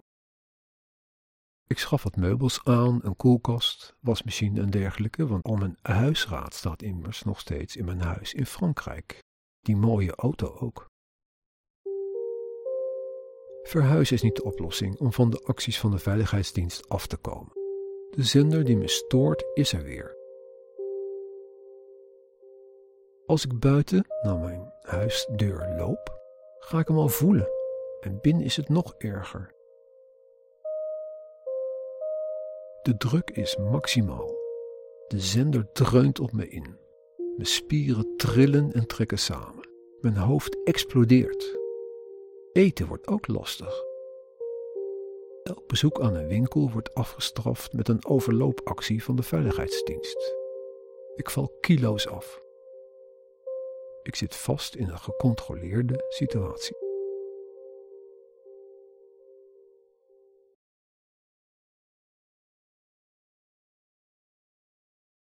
In het openbaar vervoer word ik steeds overlopen. Daarom koop ik een auto bij een lokale garage. Ik heb haast. Ik betaal de gevraagde prijs, regel online de papieren en vertrek vrijwel meteen met deze zwarte Nissan naar Frankrijk. Tussen kijken naar een auto en vertrek naar Frankrijk zit één dag. Het is een goede dag om te rijden en ik moet een heel eind. Ik zet de radio aan. Na ongeveer een uur begint er communicatie via de radio. Op mijn autoradio hoor ik dat ze me roepen en bedreigen. En waar ga jij naartoe? Vragen stellen. Ja, de gewone autoradio.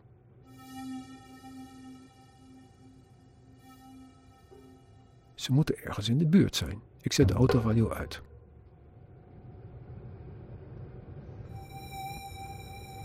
Ik word opgejaagd door twee auto's die achter mij rijden en mij met mobiele zenders storen en elkaar afwisselen op de snelweg.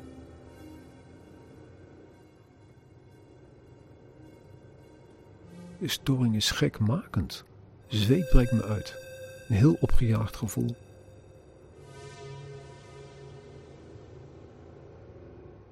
Ik rij langzaam, ik rij hard. Het helpt niks. De twee blijven in mijn staart. Het doet me aan Frankrijk denken. Op een gegeven moment, en vlak voor een afrit, had ik een gewone auto in, op zeer hoge snelheid. En stuur ik naar rechts en neem ik toch de afrit. Feitelijk snij ik de onbekende auto af met 20 centimeter verschil. De twee achter mij ben ik kwijt.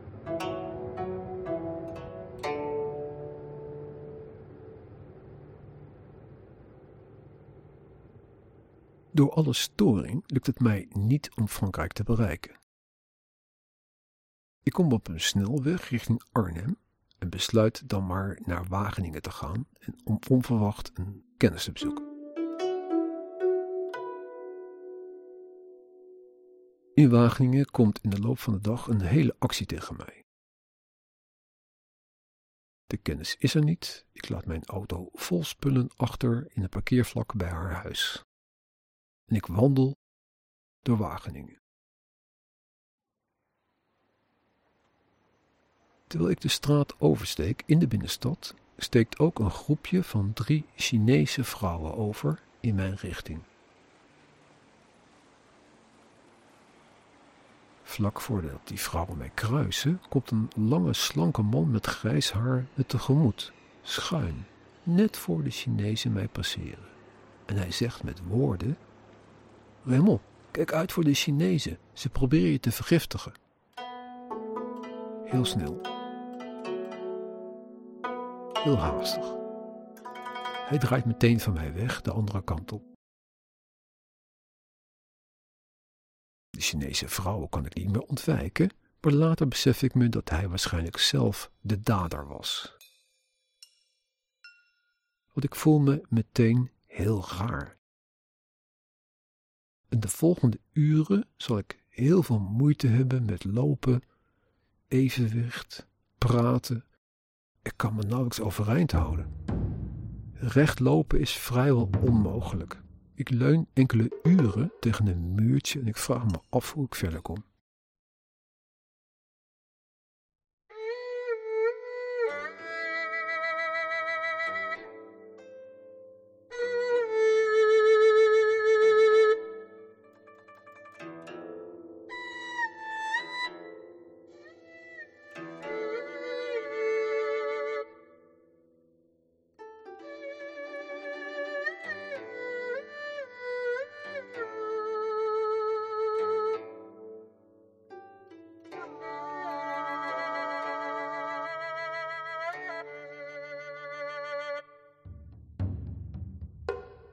Frankrijk gaat niet lukken, dat is duidelijk. Tegen de avond ga ik naar de kennis waar mijn auto staat geparkeerd. Als ik weer naar huis rijd in de avond, zwaait de kennis me uit. Ik moet nu alle spullen en kleding weer mijn appartement binnenbrengen. Maar hoe ik ook zoek, ik mis iets. Er is iets weg. K en ik hadden op een markt in Amsterdam een gedicht met een bloem laten maken in een lijstje. Dat had ik meegenomen met de vakantiespullen. Maar ik kon het nergens meer vinden. Niet in de auto, niet tussen mijn spullen, nergens. Ik zoek en zoek en haal mijn hele huis op. Weg. Nog een keer zoeken. Weg. Het plankje in de kelderkast waar het eerst lag, haal ik zelfs helemaal leeg. Het is er niet. En omdat het emotionele waarde heeft, zal ik ook de dagen daarna opnieuw alles overhoop halen, zelfs de vuilnisbak. Het kan niet anders dan dat het uit de auto is gehaald in de parkeertijd in Wageningen. De auto stond daar een groot deel van de dag en begin van de avond. Maar waarom en door wie? Enkele maanden later komt K toch weer langs om te blijven slapen. We proberen het weer. Als de volgende dag weer naar huis is, wil ik wat van de plank pakken in de kast en daar ligt het gedicht met de bloem in zijn lijstje. Verbijsterd. Ook over de brutaliteit. Dit heeft K daar neergelegd.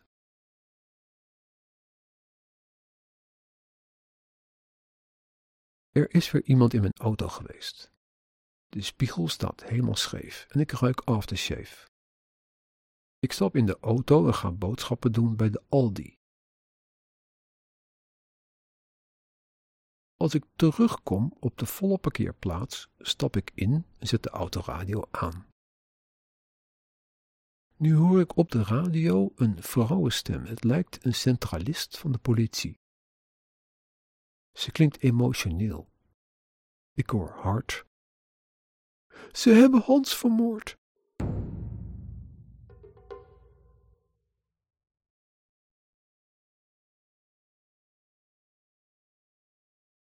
Vijftien september 2019. Na het fietsen kom ik thuis. Er ligt een briefje van K. Ze is bij me aan de deur geweest. K zorgt ook heel goed dat haar alibi in stand blijft. Dat dit haar laatste poging was om ons weer bij elkaar te krijgen. Maar haar briefje is een maand verkeerd gedateerd. Er staat 15 oktober.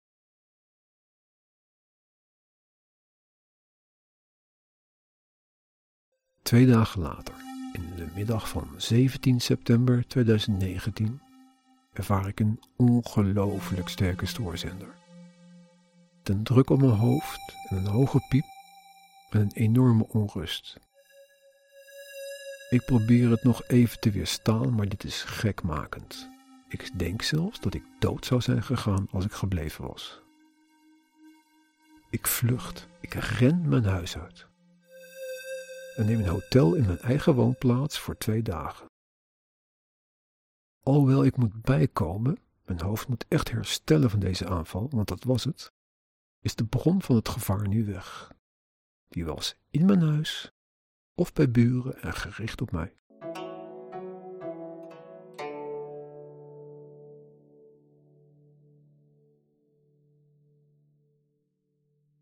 sprokkel al mijn moed bij elkaar en half januari 2020 rij ik opnieuw naar mijn huis in Frankrijk. En het lukt dit keer. Eindelijk weer huis. De tuin is een chaos. De muizen hebben gefeest. 25 kilo hondenvoer opgegeten en nesten gemaakt. Ik moet eerst flink aan de slag om het bewoonbaar en fris te maken. Ik heb een enorme voorraad droog beukenhout. De kachel gloeit. Sneeuw is zacht en ik bak weer brood. Wel alleen zo, zonder de vertrouwde hond. Maar ik ben niet alleen. Hier maak ik voor het eerst mee dat de IVD in mijn hoofd geluid laat afspelen. Kraak, helder en live. Techniek heb ik aangegeven, geloof me, het kan. 16 januari 2020, Frankrijk, Berghuis. Hier zijn we aangekomen bij deel 1 van mijn podcast. Ik hoor een keiharde luide stem in mijn hoofd. Kraak en kraak helder. Ik word verhoord over de moord op huisjesmelker Hans in de jaren 80 in Amsterdam.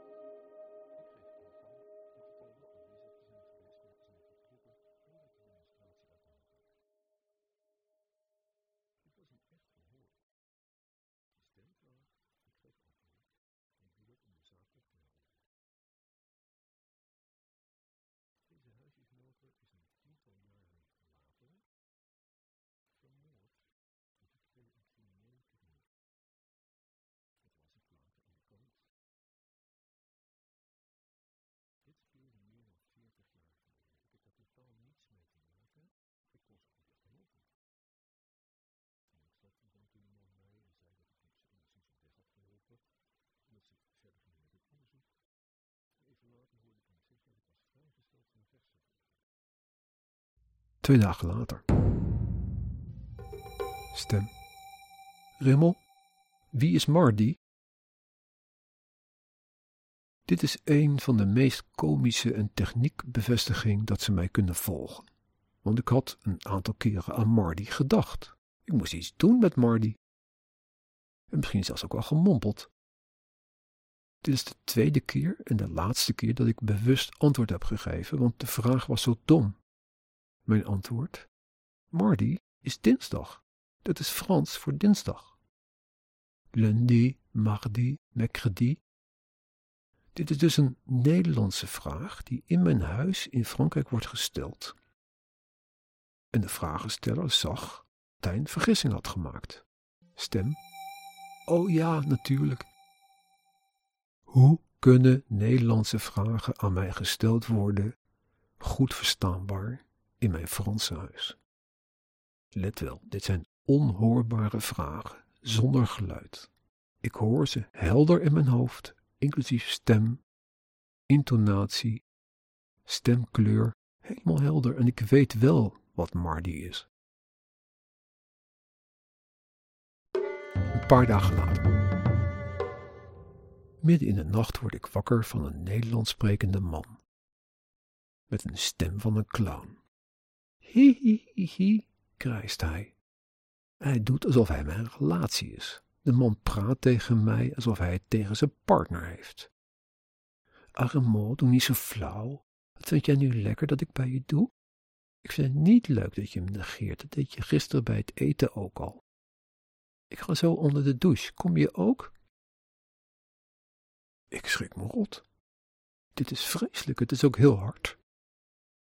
Ik schiet mijn bed uit, maar het is alleen hoorbaar in mijn hoofd en ik kan het niet zelf uitzetten. Dit is AIVD-techniek en ze zitten in het huis van mijn buren.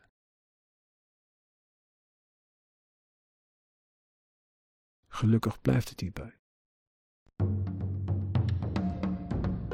28 januari 2020, 2 uur in de middag. Met een laptop en software meet ik audiofrequenties in het spectrum. Ik zie vooral een sterke piek in de lage tonen. Ik probeer achter de storing te komen die ook hier aanwezig is. Het is vreselijk stil hier in de bergen. Ik meet bij het kleine keukenraam gericht op de buren. Er staat een man, hij zegt in het Frans tegen mij ik weet niet wat je aan het meten bent, maar je bent te laat.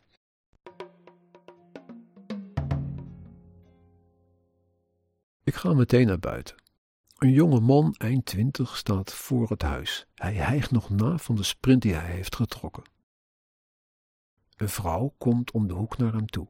Ze heeft een spiegelreflex in haar hand en een iPhone. Ze klinkt opgetogen, zegt bonjour en ze lopen weg. De man kijkt nog even naar mijn bewakingscamera. Ze lopen richting de kerk.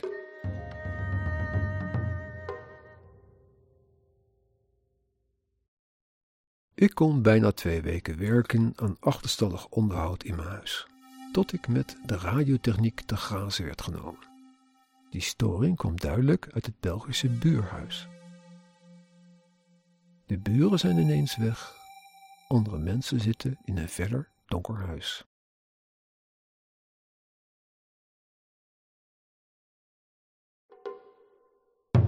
6 februari 2020 pakte ik heel haastig de auto in en stond dus buiten, erg dicht bij het buurhuis. Vlak voordat ik instapte om weg te rijden, gelijktijdig met een enorme sterke storing, hoorde ik keihard de volgende tekst in het Frans. Stem, u heeft geen toestemming voor vertrek. Vous avez pas permission pour départ. Ik stap in en rij weg. Een stukje verder krijg ik pas weer iets minder druk. Ik moet echt bijkomen en in mijn auto gesmeten spullen ordenen.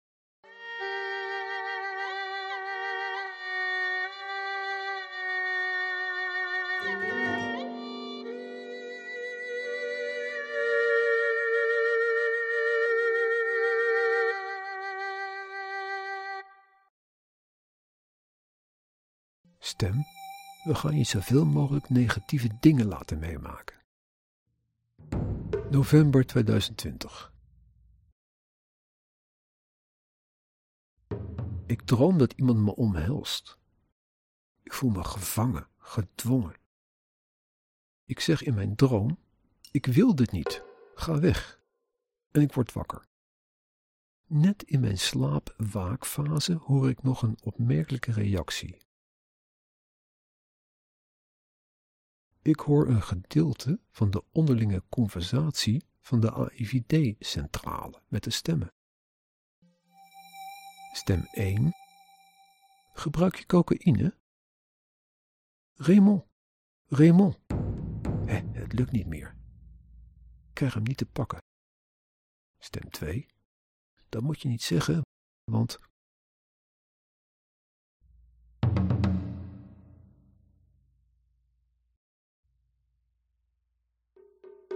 18 december 2020, 8 uur.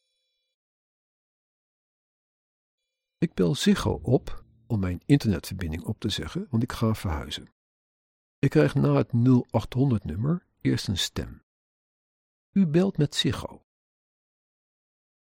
Stilte. Ik verbreek de verbinding en bel opnieuw. Hetzelfde nummer. Ik hoor nu iemand op de AIVD-centrale die mijn achternaam zegt en vervolgens vrijgeven. Nu kan ik wel keuzes maken. Voor wijzigingen kies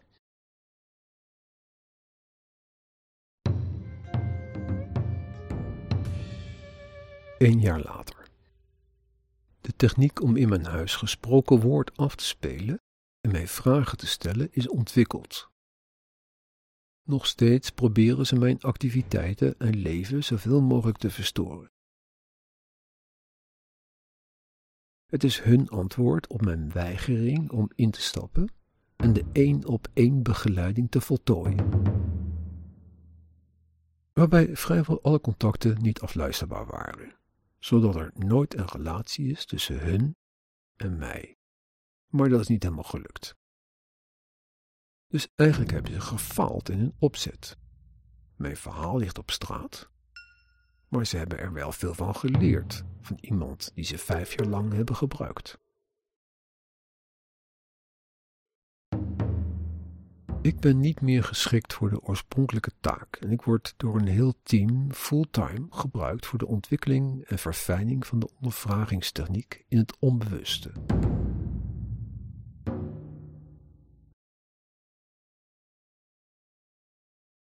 15 november 2021. Het lukt nu ook om mij te bereiken in de haven waar mijn boot ligt. Ze proberen mijn handelingen tijdens het aanleggen te onderbreken, gelijktijdig een stem die me de gebruikelijke vragen stelt. Dat op een moment waar ik al mijn aandacht nodig heb om ongelukken te voorkomen. Ik ben boos en scheld de stem hardop uit die mij probeert te onderbreken. Ik probeer te provoceren en dat lukt. Ik word gehoord.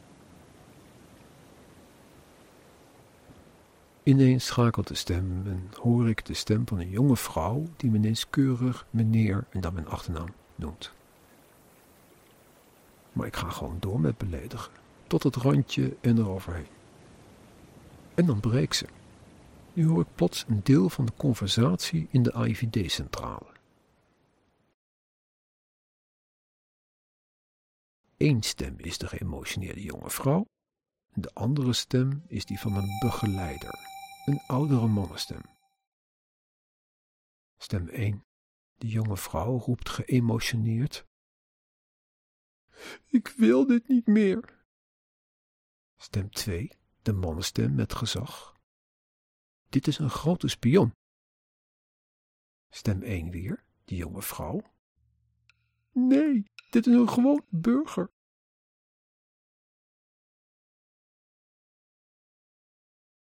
Een tijdje later komt de mannenstem bij mij binnen en zegt: Je hebt iemand weggestuurd, Raymond. Dit laat ik niet over mijn kant gaan. Die nacht word ik in mijn bed met alle amplitude en gerichtheid die de stoorzender kan veroorzaken, gestoord en gemarteld.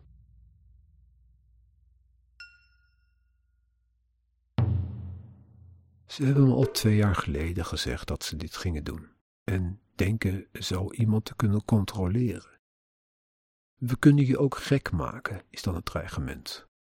Je kan het toch niet bewijzen maar ik kan wel mijn verhaal vertellen. Om jou een volledig beeld te geven van een techniek, heb ik een aantal voorbeelden die opmerkelijk zijn onder elkaar gezet. Maak je eigen keuze.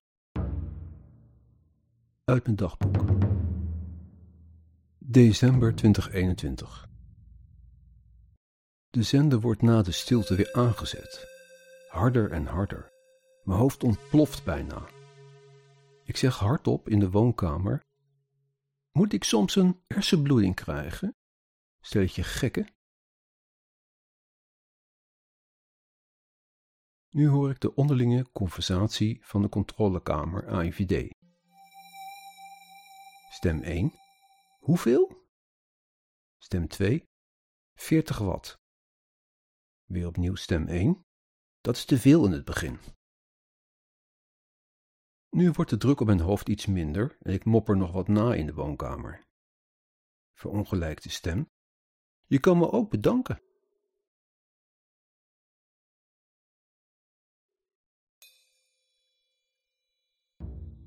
Ik word elke nacht verhoord. Door verschillende mensen, zelfs in verschillende talen. Ze doen dan alsof ik een terrorist ben. Ik moet iets bekennen wat ik niet gedaan heb en wat zelfs niet kan. Van moord tot spion voor de Russen, tot terrorist, tot drugsdealer en dan weer opnieuw moord, enzovoort. Ze weten overigens dat ik geen misdaden gepleegd heb. Ik word voortdurend uitgescholden. Vuile terrorist, als je nu geen antwoord geeft, dan word je vermoord. Ze zitten goed in hun rol. Soms is het een Vlaming of een Engelstalige man, Nederlanders, meestal mannen en een enkele vrouw. Er wordt op mij geoefend met het stellen van vragen met deze techniek. Iemand meldt trots dat hij baalt van het feit dat ik niet mee wil werken, want hij had zijn vragen voorbereid in het Nederlands, Frans en Engels. Als ik niet meewerk, delen ze pijnprikkels uit. Stem. Er gebeurt iets in je hoofd wat je niet fijn vindt. Als je antwoord geeft, houdt het op. Mijn slikreflex wordt dan bijvoorbeeld continu aangejaagd en ik blijf maar slikken. Met mijn hand voel ik dan ook de keel trillen. Ik word als een proefdier behandeld. Sommigen excuseren zich, nu ze mijn podcast hebben gehoord. Je hebt al zoveel ellende meegemaakt en nu moet ik mijn deel daar nog aan toevoegen, zegt er een. Anderen gaan meer op de martelstijl en beginnen meteen met maximale druk en pijnprikkels uit te delen. Ik ga je helemaal kapot maken, zegt hij.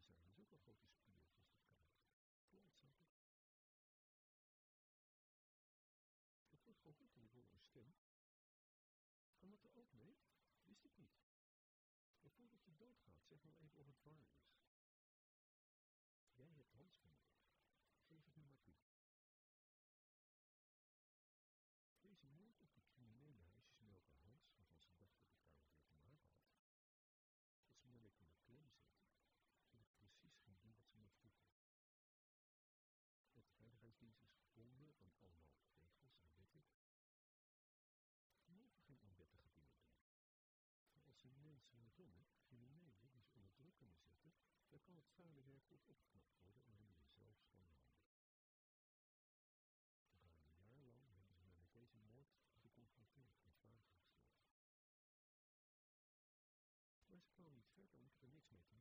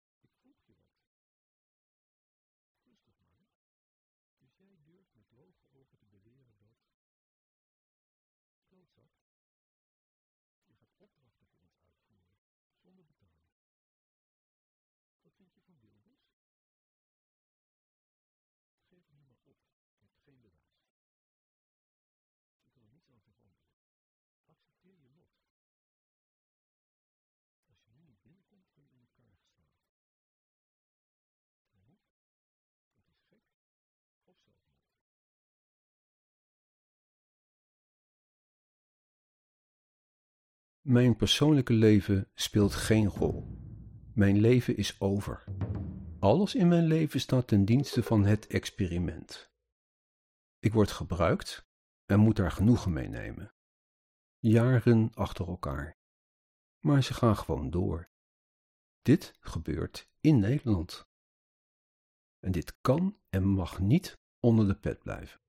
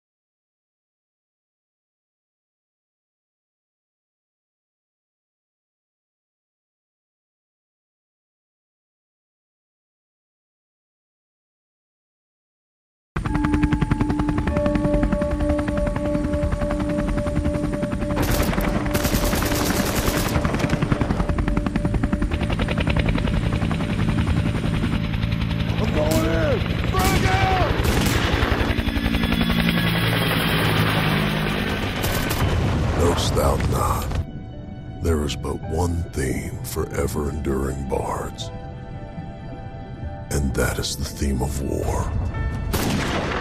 The fortune of battles, the making of perfect soldiers.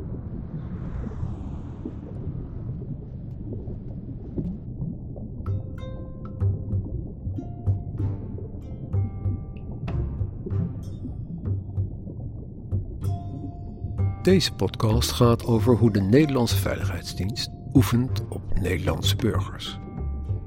Onschuldige mensen die gebruikt worden als proefkonijn. En ik ben één van hen. Mijn naam is Remel en ik maak deze podcast. Mind you.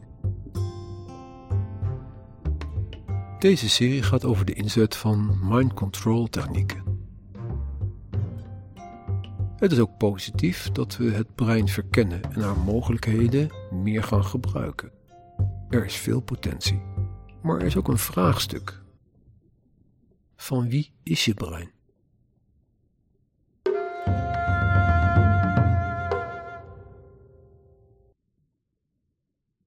Hedendaagse oorlogen zijn helemaal ingericht op elektronische strijd. Je stoort de tegenpartij en die probeert dat weer af te filteren en jou te storen. Je netwerk lam te leggen, je bankverkeer plat en je stroomcentrale op hol. En als je naast computers ook mensen kan storen, dan is dat een nieuwe stap in het hacktijdperk. En die wapens zijn er en worden ingezet. Als je in staat bent om het brein te optimaliseren voor een bepaalde taak die een soldaat kan gebruiken, heb je wellicht een voordeel op het slagveld. Een soldaat die geen angst kent, geen pijn voelt, niet moe is. Er wordt overigens nu al volop gedaan met drugs en medicijnen. Maar nieuw is de mogelijkheid om de gewenste eigenschappen voor je soldaat of huurmoordenaar met hulp van neurostimulatie te versterken. Dat is de zoektocht naar de supersoldaat. Het controlesysteem dat erg belangrijk is, is een gebiedje net onder de oogzenuw, onderdeel van het limbisch geheugen, hypothalamus. Hier gebeurt heel veel, maar ook de processen die aanzetten tot angst, seks, vluchten of vechten. Huurmoordenaars en scherpschutters worden nu nog getraind met afschuwelijke beelden van slachterijen, jihadfilms en moordpartijen waar ze gedwongen worden om naar te kijken. De ogen worden opengehouden. In het boek De meeste mensen deugen van Rutger Bregman staat een beschrijving. Die harde ervaring dat afstompen van menselijke waarden zou ook met simulated imaging kunnen. Je brein is tenslotte in staat om levensechte beelden in full color te produceren. Tijdens je droom of hallucinatie is dat ook het geval.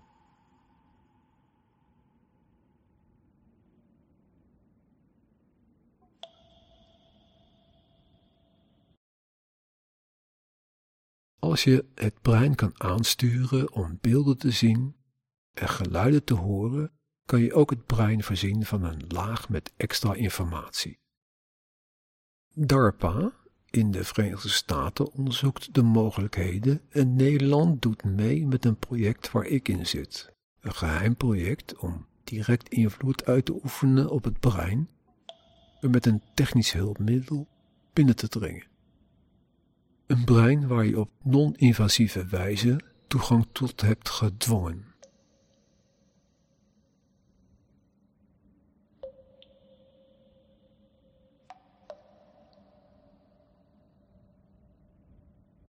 Ethiek en moraliteit zijn onderwerpen die benoemd horen te worden bij oorlog en bij de inzet van bijzondere middelen bij burgers. Niet achteraf, maar vooraf en tijdens de inzet van gewelds- en bijzondere middelen moeten proportionaliteit, subsidiariteit en de gerichtheid worden onderzocht. En het resultaat gewogen tegen ethische en morele bezwaren.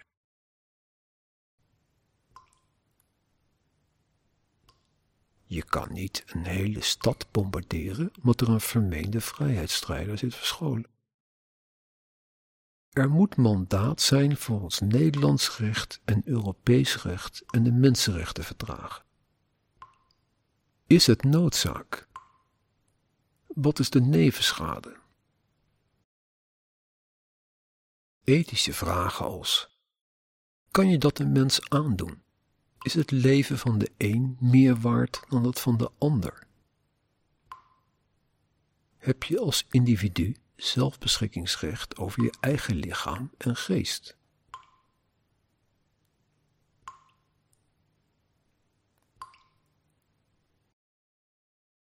Is een brein een functioneel lichaamsdeel waar de geest in rondwaart of is er een eigen ik? Is je bewustzijn een samengesteld complex van chemie, energie en verbindingen? Of is er een ongrijpbare zelf die de verbindingen en de afwegingen voor je maakt?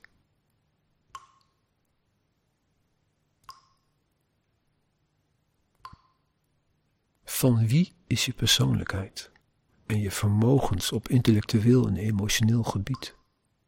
Ben jij dat zelf? In hoeverre mag een ander daar verandering in aanbrengen zonder jouw consent? Als je verliefd bent, verander je ook. Heb je het dan zelf gedaan?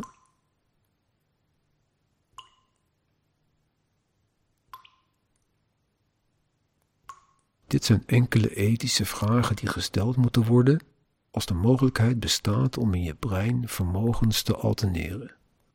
En met de nieuwe toekomst van de metaverse zoals die nu geschetst wordt, en met de onderzoeken die nu gaande zijn, zijn het relevante vragen om te overdenken.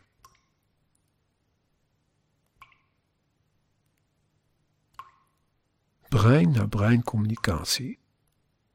Brein lezen en schrijven en machinebesturing met je brein. Van wie is je brein?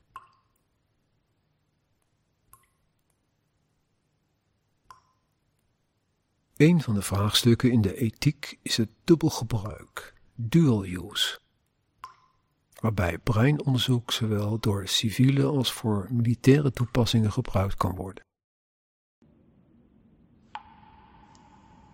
Het Amerikaanse breinonderzoeksprogramma is gedeeltelijk gefinancierd door DARPA, met het DARPA 2020-programma. Dat heeft een militair doel. Fundamenteel onderzoek wordt dus betaald en ontwikkeld met een militair doel.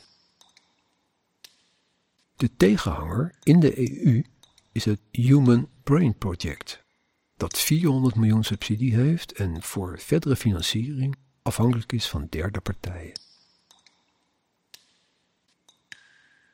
In de EU is afgesproken dat onderzoek zich moet richten op civiele toepassingen en als dual use mogelijk is, dan is er een set aan ethische regels die gevolgd moeten worden.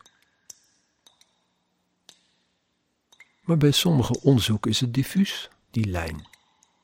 Bekend voorbeeld is de iPhone, die heel veel techniek heeft, die oorspronkelijk door DARPA is ontwikkeld voor militair gebruik.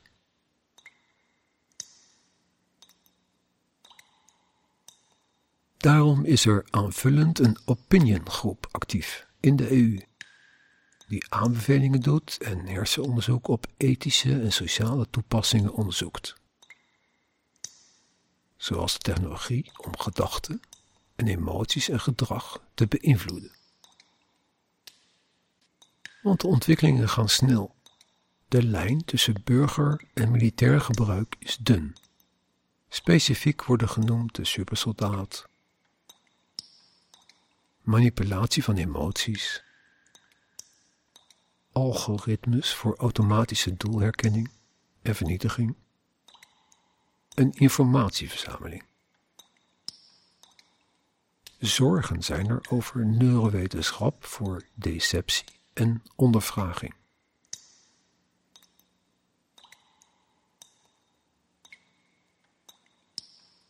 Want dat is de ethische kwestie. Is het resultaat van dit op mij uitgevoerde ondervragingsexperiment het waard om mijn leven langdurig te ontwrichten? Om mijn seksualiteit te vernielen? Mijn vrijheid en beschermde woonomgeving af te nemen? En te gokken met mijn gezondheid? Een onschuldige burger opofferen? Die dan ook nog eens moet bewijzen dat wat er gebeurt, gebeurt. En moet opboksen tegen de lage buikreactie van ik ken het niet, dus bestaat het niet.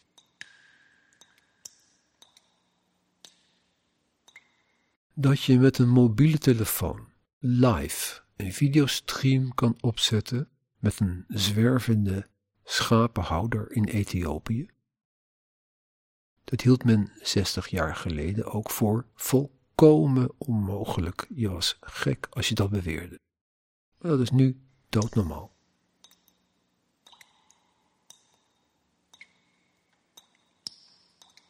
Ethiek is ook toegeven dat je fout zit, dat je beslissing niet juist was, en desnoods achteraf daar de consequenties van aanvaarden, zoals vergoeden van schade, excuses en voorkomen van herhaling.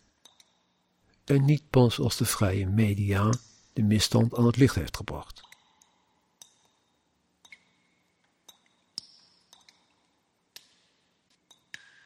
En hoe ethisch is onze waakhond de CTIVD of de TIB, die we hebben ingericht nadat we met elkaar nee besloten in het referendum tegen de sleepwet?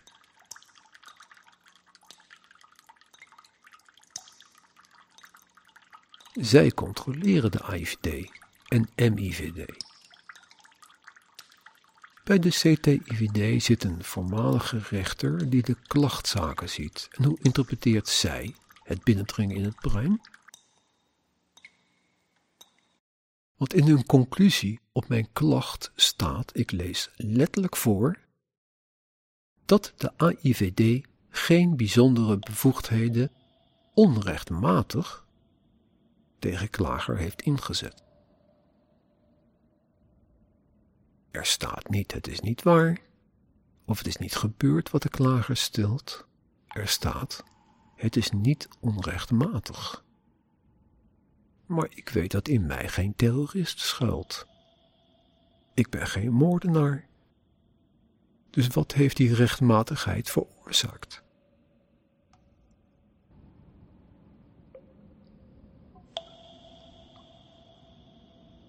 De essentie van mijn klacht wilde de CTIVD niet in het onderzoek meenemen. Het elektronische storen. Dat was niet te onderzoeken, zeiden ze, terwijl ik een kraakvers rapport liet zien van het Senaat van de Verenigde Staten, die een zware commissie hadden ingesteld die juist dat net had onderzocht. De Amerikanen kunnen dat wel en wij niet. Is het instrumentarium van de CTIVD ontoereikend? Heeft de Tweede Kamer haar wel een juiste opdracht meegegeven? De CTIVD presenteerde later de eindformulering van het onderzoek alsof ik het eens was met haar onderzoeksgebied. Dat is niet zo. Ik heb bezwaar gemaakt, geprotesteerd en een brief gezonden. Is het mogelijk om een serieuze klacht af te doen als je je instrumentarium niet hebt gebruikt om de kern van de klacht te onderzoeken? Is dat een ethische beslissing? Met handen en voeten kreeg ik uitleg. Als ik informatie heb over activiteiten die door de staat worden uitgevoerd, die de rechtsorde volledig zouden doen schudden, dan ben ik een staatsgevaar op het moment dat ik dat wereldkundig maak. Alles is toegestaan om de staat die bescherming te geven. En dan zijn zeer vergaande middelen niet onevenredig en zelfs niet onrechtmatig. Al zou ik zelf de wetsartikelen die ingaan op deze situatie niet kunnen formuleren. Ik ga ze straks even kort langs. De WIF 2017, de Nederlandse Grondwet en het VN Mensenrechtenverdrag. En hoe ethisch is de IVD? In de periode mei 2018 tot november 2019 heeft ze van de 98 gevallen dat ze bijzondere bevoegdheden gebruikt, het in 57 gevallen niet gemeld.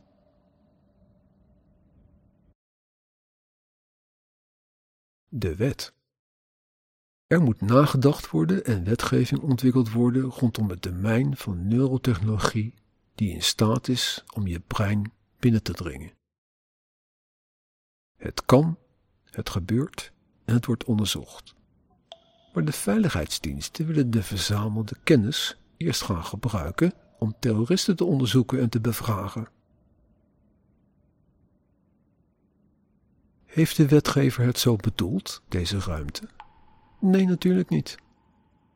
Je kunt stellen dat de experimenten van verhoor die op mij uitgeoefend worden, illegaal en onwettig zijn. Ik heb nooit in vrije wil toestemming gegeven en zal dat ook nooit doen. Als ik de wet interpreteer, is het onwettig wat er met mij en zonder mijn toestemming gebeurt. Daarbij was de integriteit van het lijf al in de wet geborgd. De staat mag niet zomaar zonder nadrukkelijke toestemming in het lijf van burgers komen. En dat zou dan ook voor het brein gelden als onderdeel van je lijf.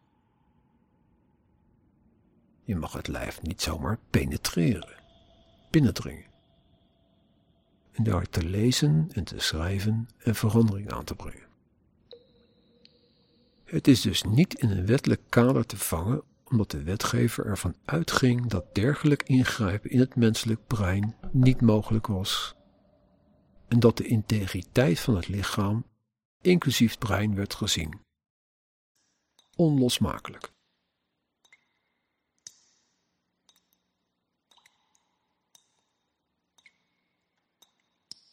Een mens heeft recht op een veilige thuisplaats, heeft recht om niet gemarteld te worden, heeft recht op beschikking over zijn lijf en recht op vrije communicatie.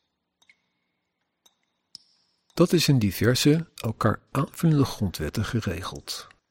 Artikel 10 en 11 en er bestaat ook Europees recht en mensenrechtenverdragen.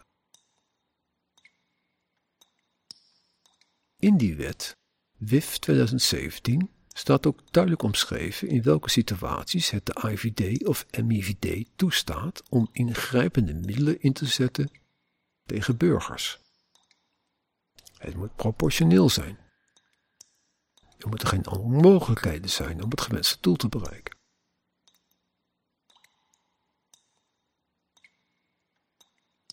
Zelfs met zeer creatief toepassen van die randvoorwaarden kan ik bij mij geen grond vinden voor de inzet. Ik ben geen crimineel, geen terrorist en toch is de geheime dienst in oorlog met mij. En ik heb rechten en plichten, maar geen wapens. Alleen een pen en een microfoon. Het is vechten tegen de staat.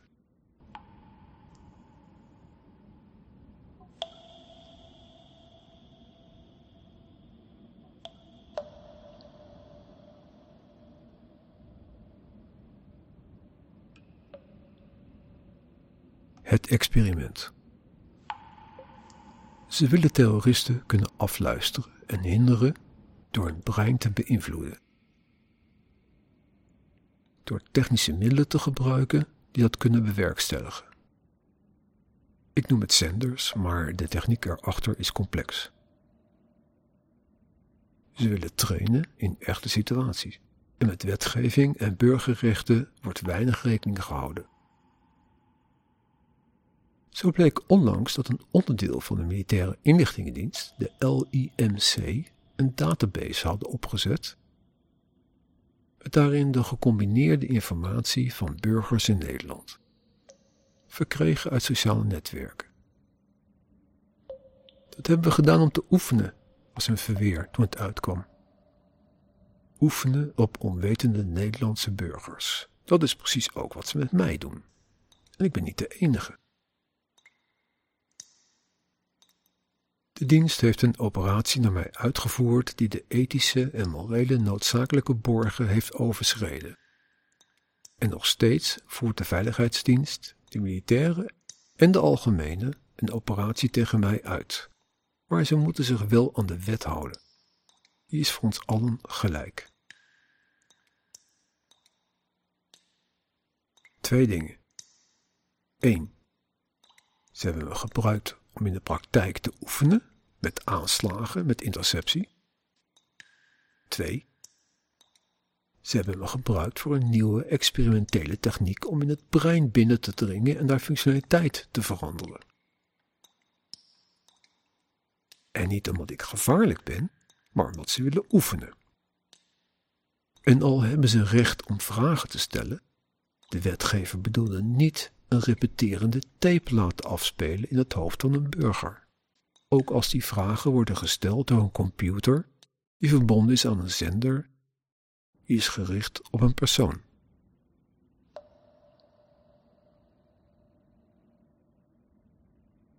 Ze willen nieuwe techniek uitproberen en kunnen trainen. Een nieuw onderzoeksgebied, het brein. Daarom vertel ik mijn verhaal, waarbij ik waarschuw voor de uitholling van onze rechtsstaat en democratie. Voor het falen van controlerende instituties en onafhankelijke journalistiek.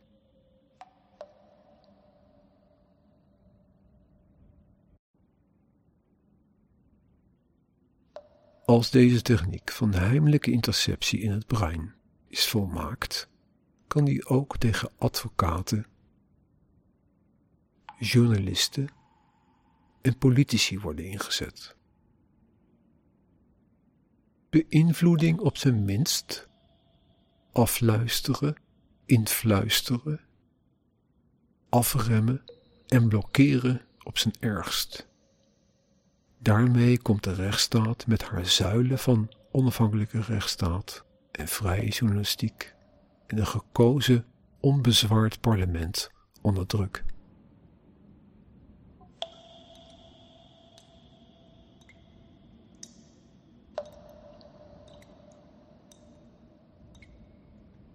Het is het einde van de westerse vrije democratie zoals we die kennen.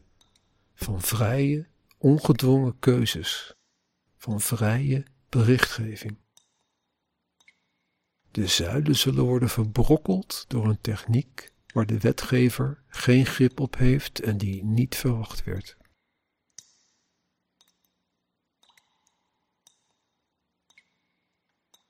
En de controle op ethische, morele en wettelijke kaders moet niet overgelaten worden aan organisaties die profiteren van de lacune in de wet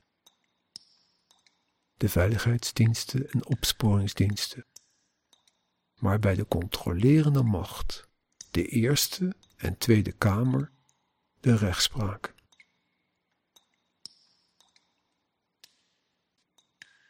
Grote woorden, maar nodig, want rechtsbescherming is de grond onder onze voeten.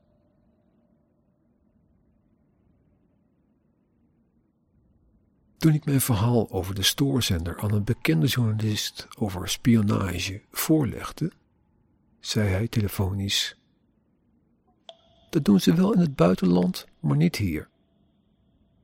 Hij heeft ongelijk. Ze doen het juist hier. En hoe komt het eigenlijk dat we hier nog nooit een grote terroristische aanslag hebben gehad? Maar wel in Duitsland, Engeland, Frankrijk, Italië, Spanje, België. Het is oorlog tussen mij en de veiligheidsdienst en ze proberen mij te mollen. Niet omdat ik iets heb misdaan. Ik respecteer de rechtsstaat en haar instituties, maar omdat ik mijn verhaal vertel. Stem. Raymond, je bent een slimme vent. Maar de enige reden dat we je nodig hebben, is om je te gebruiken. Maar ik ben geen konijn. Sorry, ik kan het je niet makkelijker maken in mijn afsluiting.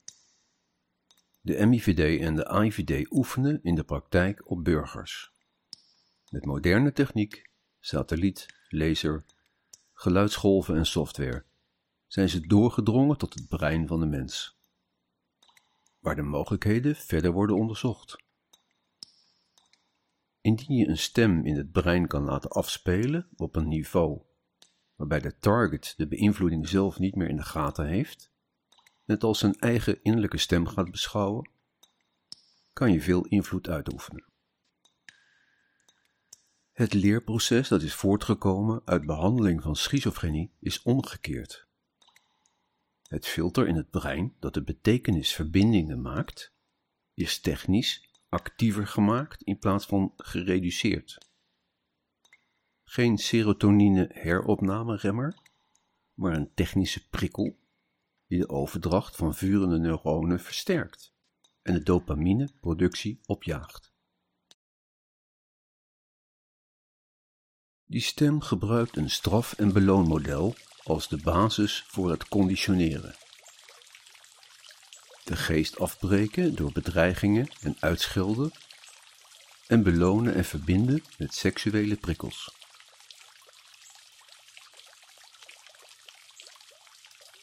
Beïnvloeding, waarbij experimenteel ook geprobeerd wordt een persoon te begrenzen, te beperken, te storen. Om op die manier het leven van die persoon en de uitoefening van zijn beroep moeilijk te maken. Waarbij, naar mijn stellige overtuiging, de toegepaste technieken te kwalificeren zijn als foltering. Een bijzonder Nederlands woord voor marteling. Ons eigen ultrageheime MK Ultra in de polder.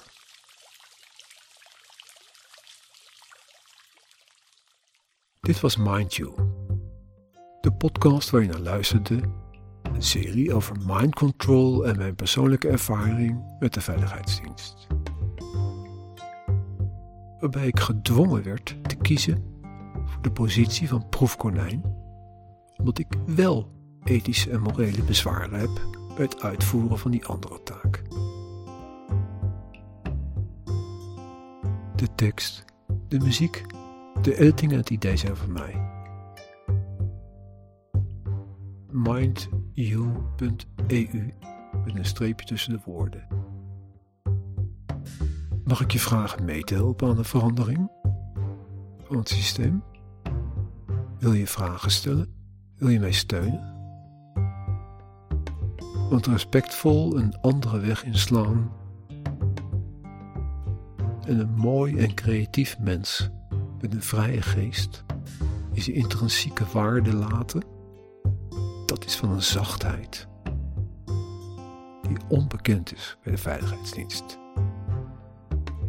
Mind you.